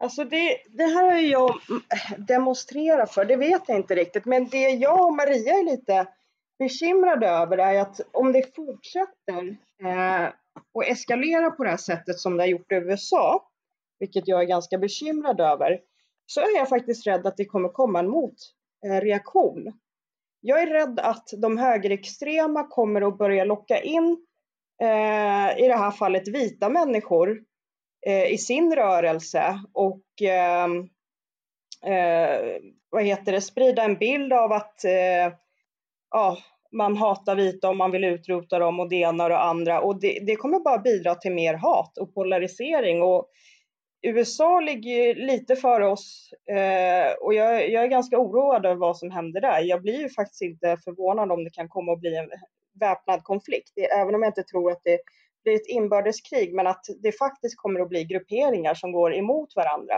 Och jag hoppas för guds skull att det inte kommer hit till Sverige. Det är det sista vi det, har ju redan, det har ju redan börjat i, i USA. Och jag menar, kollar man på, på de här liknande eh, protesterna som, som uppkom under liknande omständigheter på 90-talet, då, då var det ju mobiliserare i sig Roof Koreans eh, i Los Angeles där det stod koreaner väpnade till tänderna på taket och skydda koreanska butiker. Mm, det har jag helt missat faktiskt. Sök på Youtube på Roof Koreans så hittar ni det. Ganska intressant faktiskt. Jag ska kolla. Nej, men det, alltså, det är det som är det farliga med Black Lives Matter. Om vi ska sitta och hålla på och dela in människor i hudfärg och skapa så här safe spaces där enbart eh, till exempel svarta får vara eller eh, liksom sprider en bild av att enbart eh, svarta kan vara offer och vita kan vara förtryckare. Det är väldigt farligt när vi grupperar människor på det sättet det är så, ja, det är på så sätt till exempel nazismen har uppstått. Jag, Håller du med Maria? Själva debattklimatet är inte rimligt längre. Alltså ingenting är ju eh, det som oroar mig över hela det här samhället, för jag håller med Alexandra att jag är livrädd också att det kommer att eskalera och ske andra saker som vi inte vill ha i Sverige. Eh, och där ser jag ett problem, ett gigantiskt stort problem med hur infekterat det är mellan de olika politiska partierna där man faktiskt inte samtalar, där man inte pratar med varandra, där man inte samarbetar som vuxna människor, alltså mogna vuxna människor. Och vi måste börja bryta det där. Vi måste börja prata om eh, saker som uppstår. Vi måste börja prata om hur vi ska komma överens för att eventuellt eh, stå emot eh, högerextrema eller vänsterextrema krafter för den delen som vill förstöra. Och självklart islamistiska. Extrema helt enkelt. Alla extrema röster som vill demokratin ont, som vill förstöra hur vi lever i Sverige och som vill ta oss tillbaka på stenåldern. För de kommer ju alltid i de här eh, demonstrationerna och ställer till med oreda. De, de dyker ju alltid upp där i något sammanhang och förstör för alla andra. Ja, men så är det. De utnyttjar ju alltid situationen och jag kan lova dig att de högerextrema sitter nu och poppar popcorn. Alltså, de är ju jättelyckliga över det som händer. De ser ju sin chans att kunna utnyttja det här och använda det emot dem och kunna locka in speciellt unga vilsna män i deras rörelser. Vad vinner man mest på då? Att, att vara helt tyst och inte göra de här demonstrationerna och riskera att locka in nya högerextrema eller att genomföra dem ändå och sen slåss med de här högerextrema? Nej, jag tycker definitivt att man kan gå ut och protestera för saker som rasism och jämställdhet. Men på en anständig nivå. Inte börja riva ner statyer, inte eh, uppmuntra till att till exempel vita ska gå och kyssa fötterna på, på svarta män till exempel. Sådana där saker, då har det gått för långt. Men också när Eh, delar av BLM eller Antifa som också har varit involverade eh, hetsar mot polisen till exempel. Varför gör de så? Jag förstår att de har ett problem med polisbrutalitet i USA, men det, det, liksom, det berör inte alla poliser. Och det, jag tror inte på hat eller hot eller våld som en väg framåt till förändring. Jag tror inte på det. Jag tror bara att det leder till mer hat, hot, våld och polarisering. Och den vägen vill inte jag gå. Utan då ser jag hellre att man gör som Dr. Martin Luther King gjorde till exempel, som var väldigt eh, fred, eh, fridfull och, och, demonstrerade fredligt. Och, han fick, och det fick effekt. Samma sak med Mahatma Gandhi. Sådana människor vill jag se. Sådana rörelser vill jag se. Vad tänker ni om, om den här poliskvinnan då som gick ner på knä under en demonstration? Ja. Vi bara suckar. Nej, men jag, jag, tycker att det är olämpligt. Det tycker jag. Eh, en polis ska, ska vara neutral and that's it. Och ja, hon kan ha befunnit sig i en pressad situation. Jag vet inte riktigt. Eh, jag har hört både det ena och det andra, men jag tycker att det är olämpligt. Som eh, tjänsteman till staten så ska du behålla din neutralitet. Maria då? Eh, jag gick ut och kommenterade det att eh, vi har inte hela bilden utåt sett, om man tittar på videon som man fick, den här långa versionen, så fann, det fanns en lång version där man kunde se innan det eskalerade, sen efter att det hade eskalerat, så fick den här kvinnan eh, hela den där mobben att liksom eh, lugna ner sig genom att göra det hon gjorde. Sen kan man tycka att det var fel, man kan tycka att en polis ska vara neutral, man kan tycka både det ena och det andra. Det enda jag såg det var att hon förhindrade någonting som hade kunnat, det vet vi ju inte heller, men det hade kunnat resultera i en katastrof. Mm. Men sen, eh, om jag får vara djävulens advokat, det skulle ju också kunna ha lett till att, lett till att de ansåg att hon var ett hån och att hon hånade dem och att de skulle ha dödat henne. Alltså det, vet, det kan man ju inte veta. Det vet man inte, men det är ju alltid väldigt enkelt att vara efterklok. Det var ju det vi talade för en stund sedan eh, om. Men det man ska komma ihåg idag, som jag inte tror att människor riktigt tänker på är att sociala medier, nyheter, de når oss på sekunden idag. Vi får uppdateringar, alltså uppdateringar som är aktuella för sekunden från hela världen genom telefonerna, genom paddorna, genom datorerna. Telefonerna bär vi på hela tiden. Så vi är uppdaterade om vad som händer hela tiden. Så var det inte för bara 20 år sedan. Och jag tror att den aspekten måste man ha i åtanke. Att saker och ting kan eskalera och blir väldigt stora idag eh, på ett sätt som de inte har gjort tidigare. Alltså det, orsaken kan vara att vi har tillgång till information eh, och nyhetsuppdatering hela, hela tiden. Och det är ju ett det är det jag menar, det är ett ansvar som var och en av oss behöver tänka på att vi ska vara försiktiga med vad vi delar ut, eh, vad vi, eh, vilka uppfattningar vi bildar innan vi har hela bilden. Jag försöker, jag misslyckas själv ibland, eh, men jag försöker att inte uttala mig hastigt om någonting om inte jag har hela bilden. Sen har jag gjort det själv också, förstås, det gör vi ju allihopa. Men hade alla tagit själv ett ansvar och faktiskt tänkt på det, då tror jag att vi hade haft mindre raseriutbrott, både på sociala medier och människor som eh, häver ur sig en massa saker som man sen i efterhand tänker, men det här borde jag kanske inte ha skrivit eller det här borde jag kanske inte ha delat och så vidare. Så jag tror att vi vi måste börja prata om det individuella ansvaret. Nu säger jag det här som sosse också. Vi måste börja prata om det individuella ansvaret. Hur agerar vi och beter vi oss över sociala medier? Jag tror att det är den största frågan. Vi pratar väldigt lite om det. Eh, som man behöver ta på ännu större allvar om man inte vill se, hur ska man kalla det, större katastrofer i Sverige. Vad tänker du för slags katastrofer? Det som Alexandra pratar om, att eh, alla de här rörelserna går ju, alltså BLM blev ju, var ju någonting för bara fem veckor sedan och blev någonting, är något helt annat idag. Och jag tror att sociala medier har väldigt mycket med det att göra. Alltså i USA hade ju ganska länge varit känt det här med, med Black Lives Matters demonstrationer som ballar ur. Det är ju ingenting som är nytt.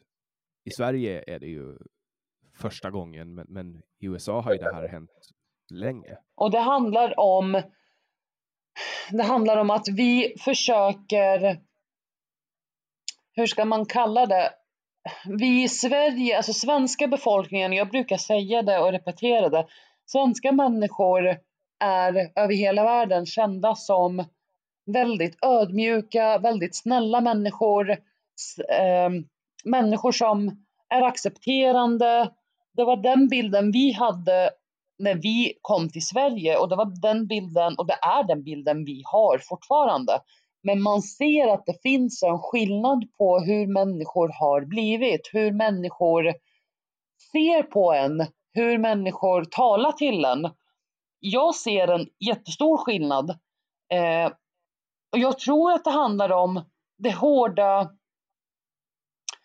hur ska man säga, dels det hårda debattklimatet, om vi återgår till det, och sen det andra att man försöker vara den här snälla människan, den här bilden av att män, människor i Sverige är väldigt jämställda, demokratiska, väldigt eh, förstående. Man försöker upprätthålla den bilden och ibland blir det fel.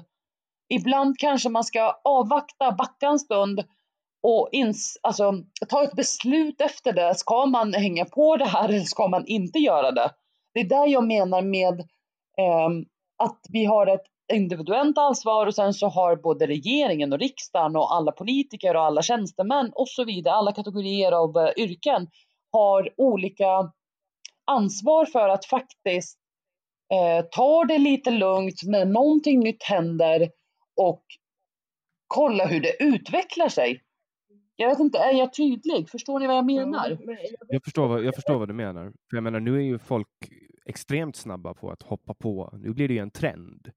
Um, det, det, går ju så snabbt. Alltså jag tänker specifikt på det här med att H&M nu i dagarna gick ut med att de ska skänka massa pengar till Black Lives Matters. Att det är ett sätt för folk att pumpa upp sina varumärken, att de liksom sätter upp fingre, ett blött finger i luften och känner vart vinden drar och så försöker de foga sig efter det. Det är ett politiskt spel, det är ett maktspel. Man använder då den rörelsen som ett led i att försöka se goda ut. Det handlar ju inte om att, alltså, nu tror jag att de bryr sig i och för sig, men den här godhetssignaleringen som man håller på med, det blir ju så, det blir så fruktansvärt provocerande. Varför Men alltså, H&M i sig är ju ett företag som vid flera olika tillfällen har blivit påkomna för att använda fullständigt vidriga förhållanden i sina fabriker. Precis. Eller den fabriken de köper in i. Liksom. Det, det, det, det, det var ju det jag menade. Man kör med godhetssignalering och tycker att nu kanske folk liksom förlåter oss för de misstagen som vi har tidigare gjort. De och, gör det fortfarande. och folk köper ju det. Alltså det är det som är problemet. Man går ju ut då och hyllar H&M i sociala medier. Gud vad duktiga de är. Kolla vad solidariska de är. Och det där, det där är bara falskt för mig. För om du inte arbetar för det hela tiden, då är det bara ett politiskt ett maktspel som man håller på med för att öka sin försäljning. Och det där det jag, jag, jag, jag, tänker på som när, när um, regeringen bojkottade uh, fotbolls-EM för att det var i Ryssland. Men sen när Sverige, när det gick bra för Sverige så åkte man dit, hela regeringen, och tittade på. Ja. Kommer ni ihåg? Ja. Det är ju skolboksexempel på godhetssignalering. Ja. Och jag vill, jag vill tillägga en sak, en, en tanke ställa upp diskussionen också, som inte jag tror att många har funderat på egentligen. Men det är just det här att vi har aldrig haft det så bra som vi har idag. Om vi ser på, tittar tillbaka på historien. Vi har aldrig haft ett så stort välstånd som vi har idag. Eh, vi har aldrig varit så rika, vi har aldrig varit så friska. Och ändå så är det så att dagens ungdomar har aldrig mått så dåligt som de gör idag. Och då börjar jag fundera på vad beror det här på? Och jag tror att det kan bero på två saker. Dels historielöshet, att man inte förstår var vi har kommit ifrån och hur det faktiskt har varit tidigare. Man kanske har läst om det i skolan, men man förstår inte vad det innebär egentligen. Alltså jag menar, för hundra år sedan, då hade vi verkligt, alltså ett riktigt ojämställt samhälle på alla sätt och vis. Och idag någonstans så tutar vi i våra ungdomar, till exempel eh, unga vita pojkar får ju läsa rubriker som att eh, vi, vi hatar vita män till exempel. Och unga flickor får höra att de är förtryckta hela tiden. Och unga killar ute i förorten får höra att de, de också är förtryckta och aldrig kommer komma någonstans på grund av att de lever i, i ett system som förtrycker dem. Och vad sänder det här egentligen för signaler till våra ungdomar? Alltså det, det är klart att det fortfarande finns problem med eh, sexism och rasism på individnivå skulle jag påstå, absolut. Men de blir ju någonstans intutade i att de lever i ett förskräckligt samhälle när de egentligen aldrig har haft det så bra som vi har det idag. Det här, kommer, det här får mig att tänka på eh, en grej som vi gjorde på historien när jag var när jag gick i högstadiet tror jag det var. Så, vi, om vi läste om medeltiden, eller det var någon, det var någon eh, epok i historien vi läste om och så sa bör, så läraren att ja, nu kommer jag att läsa upp en lista med olika saker och har ni varit med om det här? Räck upp en hand. Och så börjar hon läsa upp så här, barnsjukdomar, lunginflammation eh, och tills hon hade räknat upp ett gäng grejer och ungefär 70-75 procent av alla i klassen räckte upp handen. Så avslutade hon med att säga, ja, ska ni ha varit födda då, då ska ni ha varit döda idag. Och hon fick jättemycket kritik för det här, för att uh, hon menade att det var, eller det var föräldrar som menade att det var hemskt. Men, men det är ju svårt för oss att förstå att ja, men de flesta av våra vänner kommer att dö förrän vi fyller 40.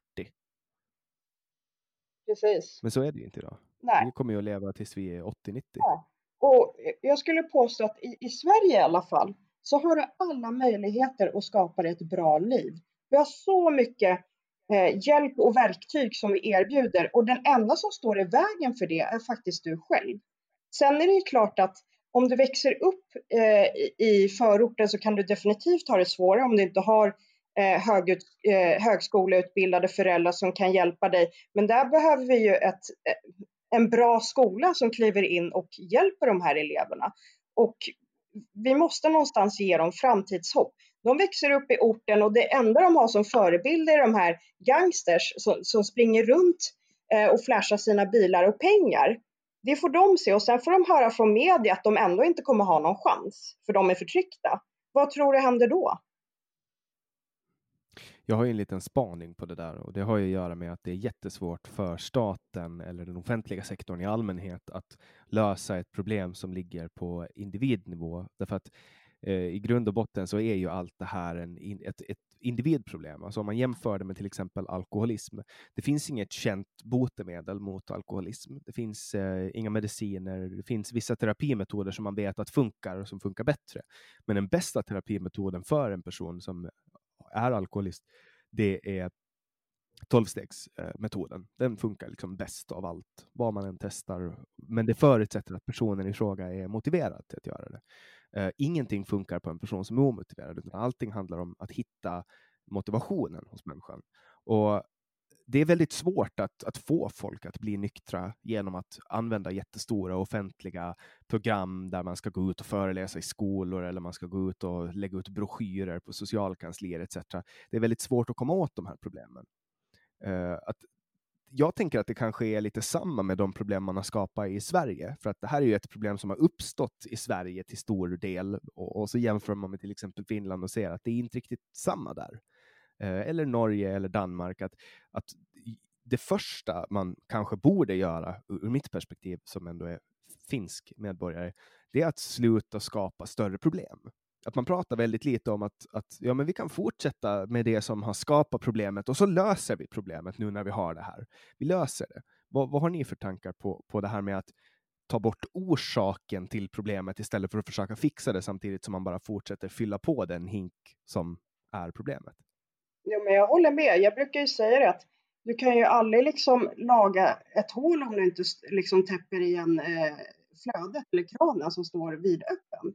Så att du måste ju börja med att, att eh, stoppa problemet innan du kan försöka hantera de andra problemet, eller problemet, men man kan ju inte tro att man ska kunna lösa ett problem om man fortsätter på samma spår som man har gjort och tro att man ska kunna lösa det i efterhand. Det har vi uppenbarligen misslyckats med i Sverige. Eh, jag tror att det, stora problemet nu är att vi har en oerhörd segregation. Och ska vi ha en chans att på riktigt kunna integrera och få alla att känna sig som en del av Sverige och vara liksom stolta svenskar så måste vi på något sätt försöka bryta den här bostadssegregationen. Och det är ingenting som man gör över en natt. Det kommer ta lång tid att göra det. Vi behöver mer beblandad byggelse och vi behöver se till att människor från olika delar av samhället möts. Kommer det att gå då? Ja, det tror jag på lång sikt om man vidtar rätt åtgärder. Jag vet att Danmark är på väg att till exempel försöka få bort sina miljonprogram och bygga upp nya områden istället. Så att det inte blir liksom att svenskar är i ett område och eh, eh, människor med utländsk bakgrund bor i ett annat område. Vad är det för samhälle? Men det är ju den fria marknaden som gör så, alltså den här gentrifieringen som pågår i innerstadsområden och att folk flyttar in i områden som där det finns där, de, där folk liknar på dem, att det blir homogent. Alltså det är ju fria marknaden som gör så.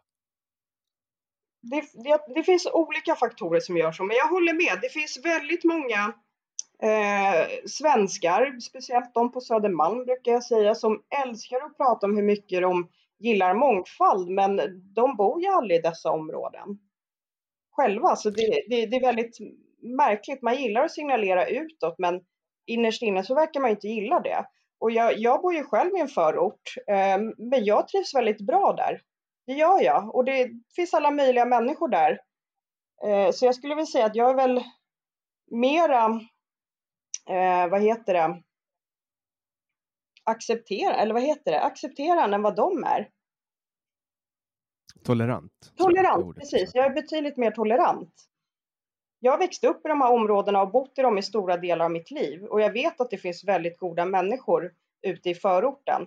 Eh, men samtidigt så finns det oftast en liten klick som förstör för alla och det, det är väldigt tragiskt att den klicken ska få förstöra ryktet för ett helt eh, område egentligen, för ett helt litet samhälle.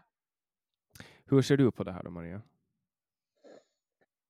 Ja, eh, jag håller ju med till viss del i vad Alexander säger. Eh, vi pratar väldigt mycket om segregerade områden. Vi pratar väldigt mycket om hur tror jag som ung att jag kommer att lyckas ifall jag hela tiden får höra att jag, att jag inte kommer att klara mig på grund av olika orsaker. Det är här vi bor och det är här vi ska försöka skapa en eh, bättre förutsättningar för unga att växa upp i. Så tror jag att det viktigaste är att faktiskt påpeka den bittra sanningen som jag tycker att väldigt eh, få på min politiska skara faktiskt pratar om när vi pratar strukturell rasism exempelvis eh, som jag då påstår att vi har den inte i den utsträckningen som USA har. Eh, det blir bara larvigt då att påstå det. Eh, så har vi i Sverige möjligheter som i princip inget annat land i världen har. Exempelvis vad gäller utbildning. Man talar om att de som bor i förorterna, man har ju liksom gjort de människorna till en homogen grupp. Det man ju säga, det är de ju inte. Eh, för även om man bor i en förort och man kommer från en specifik, eh, har en specifik etnicitet så betyder det ju inte att man, eh, man blir dömd på samma sätt av både media och politiker och samhället. Men det är ju inte så att alla människor eh, misslyckas eller lyckas, om man nu ska hårdra det. Jag tror att vi behöver lyfta att oavsett om du har en, om, oavsett om du har olika Eh, förutsättningar när du växer upp ol, eh, olika, vilka föräldrar du har, vilken eh, utbildningsbakgrund de har, så har vi samma möjligheter i Sverige att skapa oss en utbildning.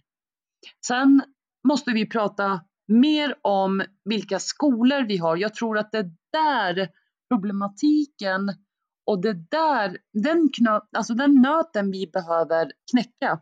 Om vi har en bra skola för alla ungar oavsett vart man bor. Man får ungdomarna att känna att du kan bli precis vad du vill. Uppmuntra dem till att studera, klara av sina studier, Eh, fortsätta studier med hjälp av föräldrarna förstås, för föräldrarna har ett gigantiskt ansvar där och det är oavsett om du är högutbildad eller om du är analfabet. Det spelar ingen roll, för alla pratar, alla talar med sina barn. Att skolan är den som faktiskt kan bryta den trenden som vi har i Sverige idag. För alla kan skapa sig en utbildning oavsett vilken etnicitet du har, oavsett vilken sexuell läggning du har, oavsett vilket kön du har, så kan du och får du gå i gratis skola. Vilka fler länder i världen kan säga det? Men tror du inte att det blir bättre om folk får betala lite för skolan då? Absolut inte. Absolut inte. För menar, Sverige har ju helt gratis, men ändå så gör man ju extremt dåliga resultat i bland annat PISA. Man fuskar ju till och med i PISA-resultaten. Och det var därför jag lyfte skolan, att den är en avgörande faktor för hur vårt samhälle ser ut om 10, 15, 20 år. Det är skolan som behöver reformeras och det är där man behöver satsa. Om man inte har ungar som studerar och blir klara med grundskolan, med gymnasieskolan, fortsätter sen och tar en högskoleutbildning. Vem ska ta alla jobb sen? Om man inte har en eh, om man inte känner någon motivation och känner att man inte får den hjälpen man behöver i skolan, då är det klart att man känner om det finns ett gäng som man ansluter sig till eller om det är kriminalitet som man eh, håller på med. Om man inte har en fritidssyssla, om man inte är med i en förening, om man, man pratar väldigt mycket från den blåa sidan skit exempelvis om eh, fritidsgårdar. Man ser dem inte faktiskt som ett komplement. Nu blir Alexandra här jätteirriterad. Ja, man ser dem inte som, ett, som det komplementet som man faktiskt behöver göra. Det funkar ju inte alla fritidsgårdar. De gör inte det. Men jag kopplar ju dem vidare till skolorna.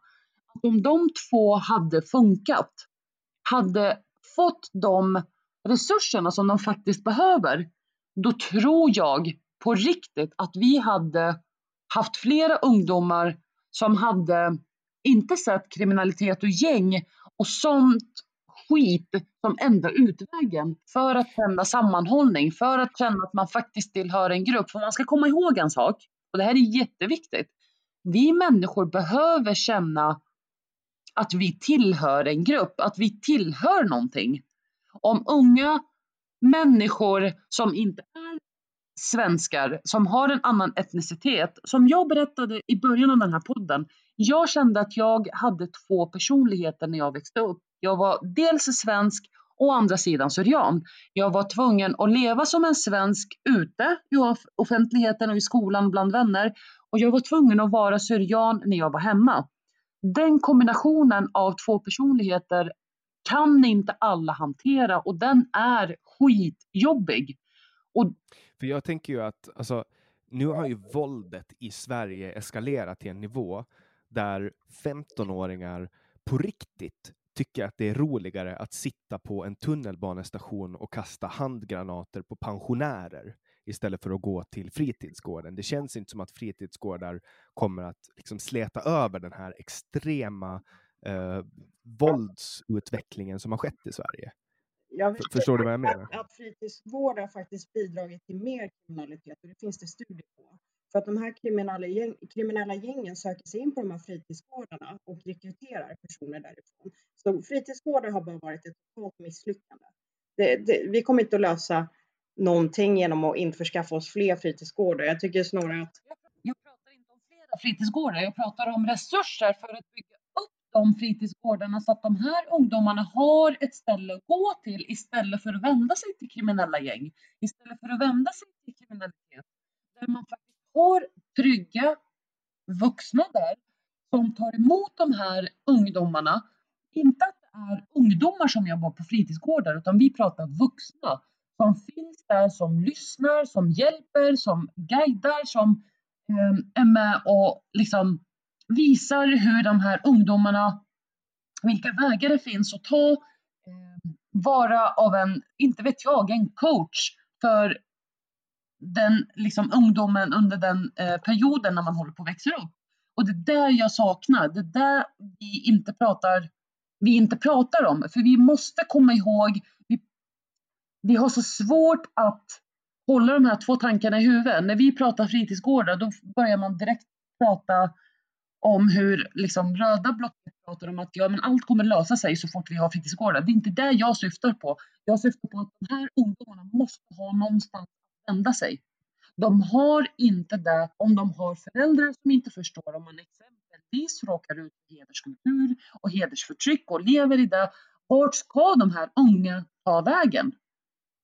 De har ingenstans att ta vägen och då blir det mycket enklare att söka sig till kriminella gäng. Det blir mycket enklare att söka sig till att tillhöra någon samman eh, hållning, alltså någon grupp som är sammanhållen och det är ju oftast de här som liksom lockar in ungdomarna. Jag skulle inte påstå att de flesta ungdomarna söker sig till kriminella gäng utan att det är de kriminella gängen som eh, söker upp dem För.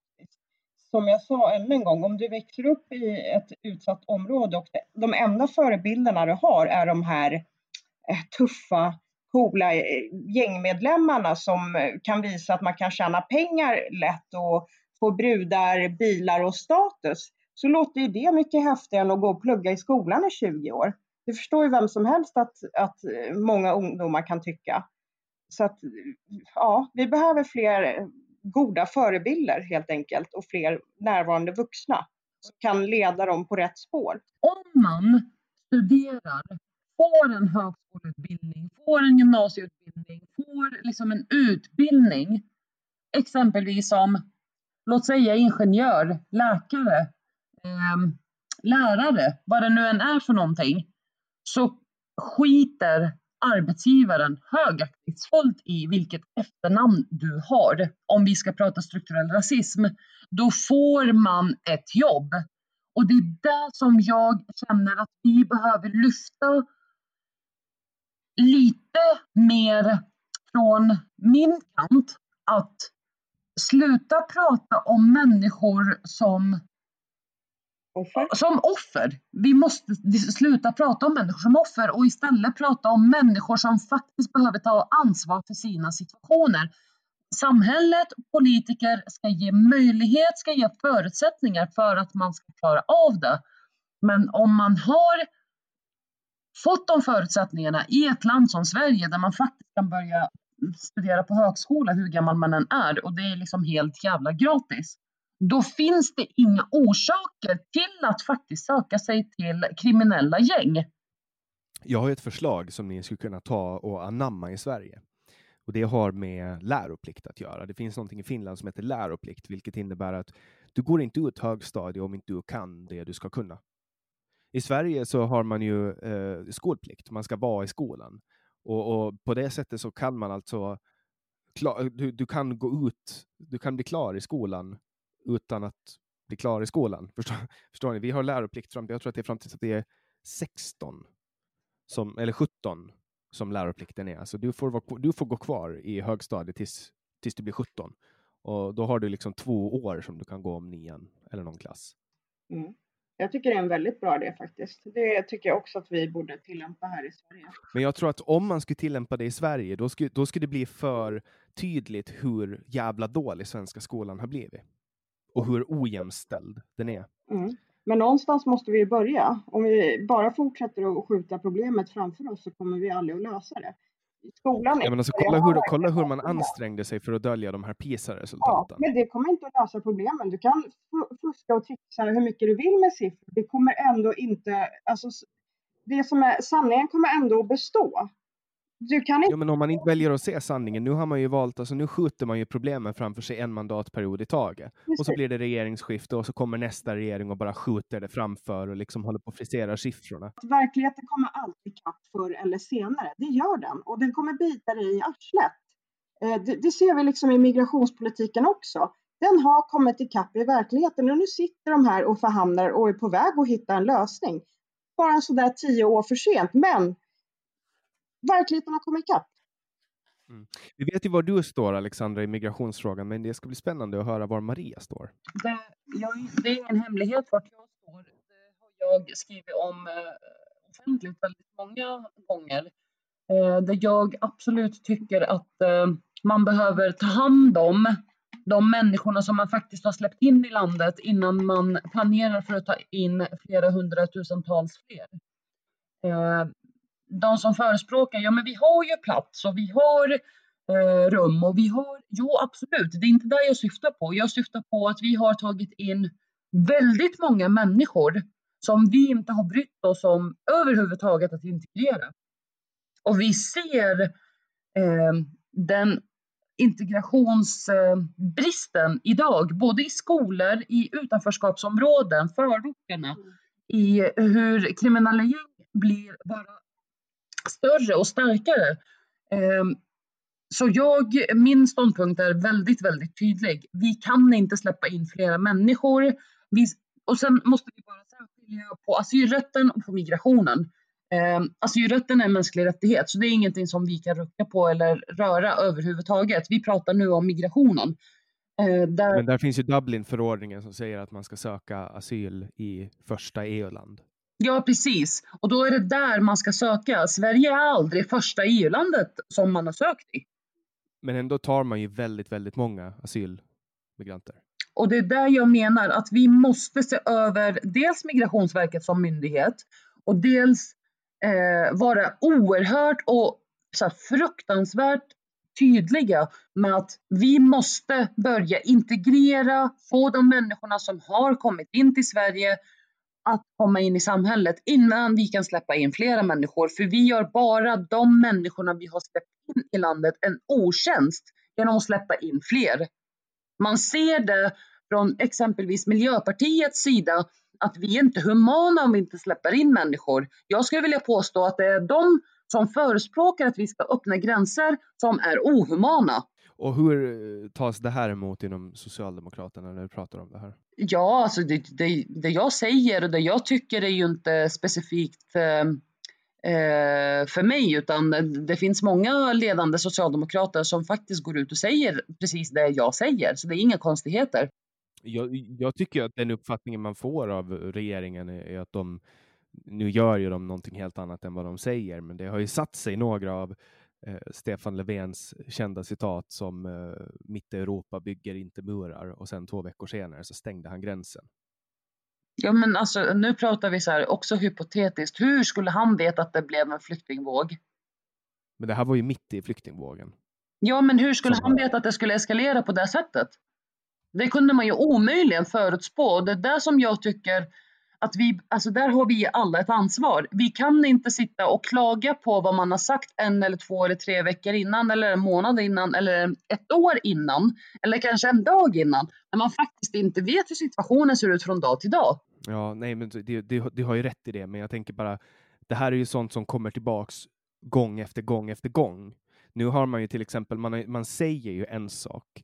Man säger att ja, men Sverige ska, nu har man liksom dragit ner på det här, men så drar man istället upp på anhöriginvandringen så att man får fortfarande in väldigt, väldigt mycket människor. Uh, fast man säger att man inte ska göra det. Alltså att man, man gör en sak, man säger en sak och så gör man en annan. Ja, och det har ju att göra med vårt eh, eminenta fina samarbete vi har haft med Miljöpartiet som har varit ett parti som knappt har klarat av att komma in i riksdagen varenda år, höll jag på att säga nu. Eh, men som har dikterat de avgörande frågorna för Sverige. Ja, det är ju journalisternas favoritparti. Det är klart att de ska vara med i riksdagen.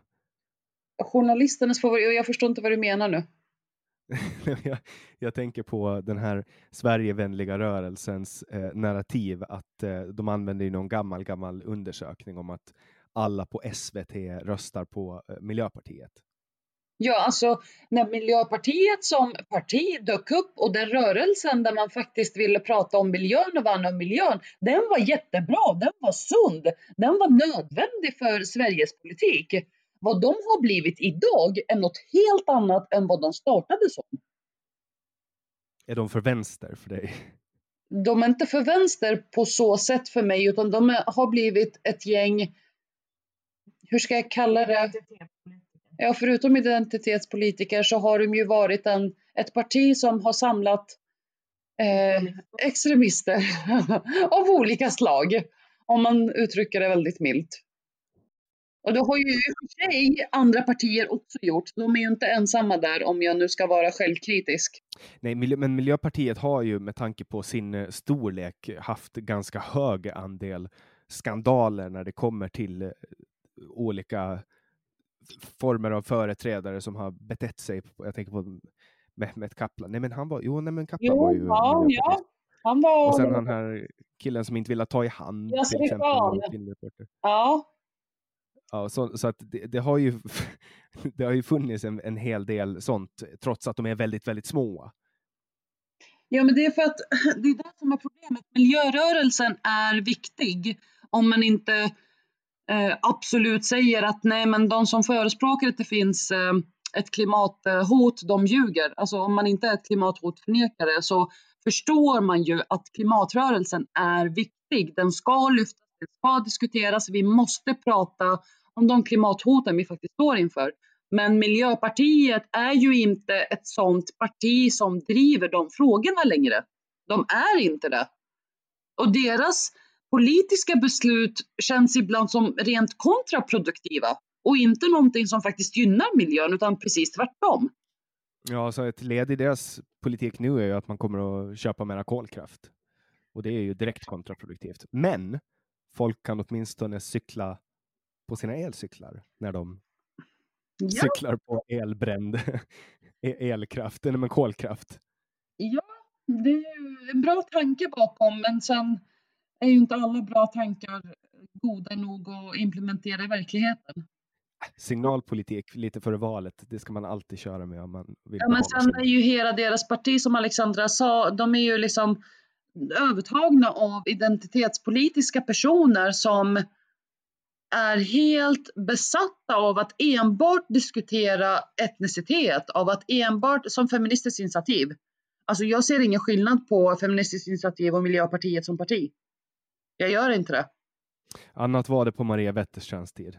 Ja, det var det. Ja, gud ja. Hon, eh, hon ser jag fortfarande som en, som en vettig politiker. Ja. Jag, jag, jag ska försöka få med henne i, i podden. Det skulle vara väldigt kul att ha med henne här. Ja, absolut. Hon är ju också Eskilstunabo. Det är så? Ja. Brukar du stöta på henne på Coop? Jag tror, alltså hon har varit där i alla fall. Men vet inte. Men hon är liksom... Träffar jag rätt att du handlar på Coop eller? Jag handlar inte på Coop. Coop var bredvid, alltså det där Alexandra bodde. Eh, det var därför jag gick in och handlade på Coop. Så det blev liksom bara, det blev fel i alla led. Och såklart så utnyttjade Alexandra den eh, eh, stunden då. Alltså, nu gissar jag bara på att, att du är sosse, då handlar man på Coop och så, så. Ja, alltså nej, jag handlar där um, jag har inga så här, preferenser för att jag måste handla på det ena eller andra sättet. Jag handlar där det är närmast, uh, helt ärligt. Men Alexandra, var handlar kapitalister? Är det på Hemköp eller? Ica Maxi. Ica Maxi, men det är ju billigt på Ica Maxi. Det är ni som har pengarna, det är ju inte vi sossar som har pengarna. Ja, men det är bra kvalitet. Jag gillar Ica Maxi. Jag, jag gillar ju att gå till köttdisken på Ica Maxi när man får, när man får reda på vilken, vilken gård kon kommer ifrån. Ja, det är härligt. Så ska det vara.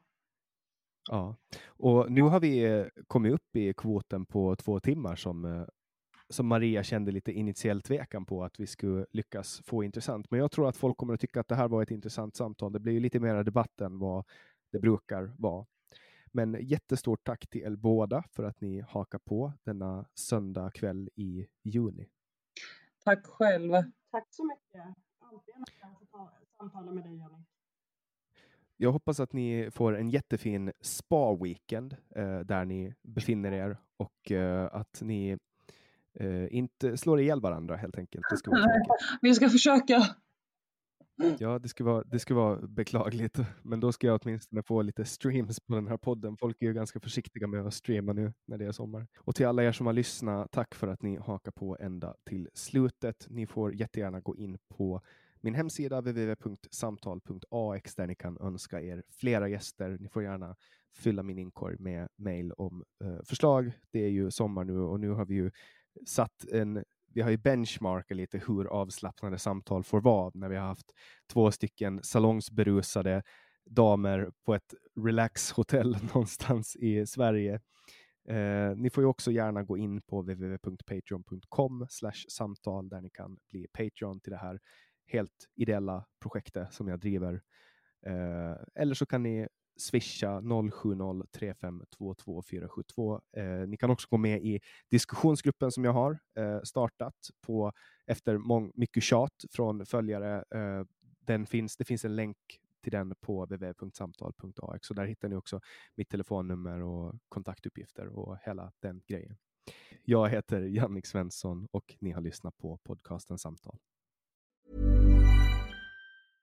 Cool fact a crocodile can't stick out its tongue. Also, you can get health insurance for a month or just under a year in some states. United Healthcare short term insurance plans, underwritten by Golden Rule Insurance Company, offer flexible, budget friendly coverage for you. Learn more at uh1.com. Even when we're on a budget, we still deserve nice things. Quince is a place to scoop up stunning high end goods for 50 to 80% less than similar brands. They have buttery soft cashmere sweaters starting at $50 luxurious Italian leather bags, and so much more. Plus, Quince only works with factories that use safe, ethical, and responsible manufacturing. Get the high-end goods you'll love without the high price tag with Quince. Go to quince.com/style for free shipping and 365-day returns. When you make decisions for your company, you look for the no-brainers. And if you have a lot of mailing to do, stamps.com is the ultimate no-brainer. It streamlines your processes to make your business more efficient, which makes you less busy. Mail checks, invoices, legal documents, and everything you need to keep your business running with Stamps.com.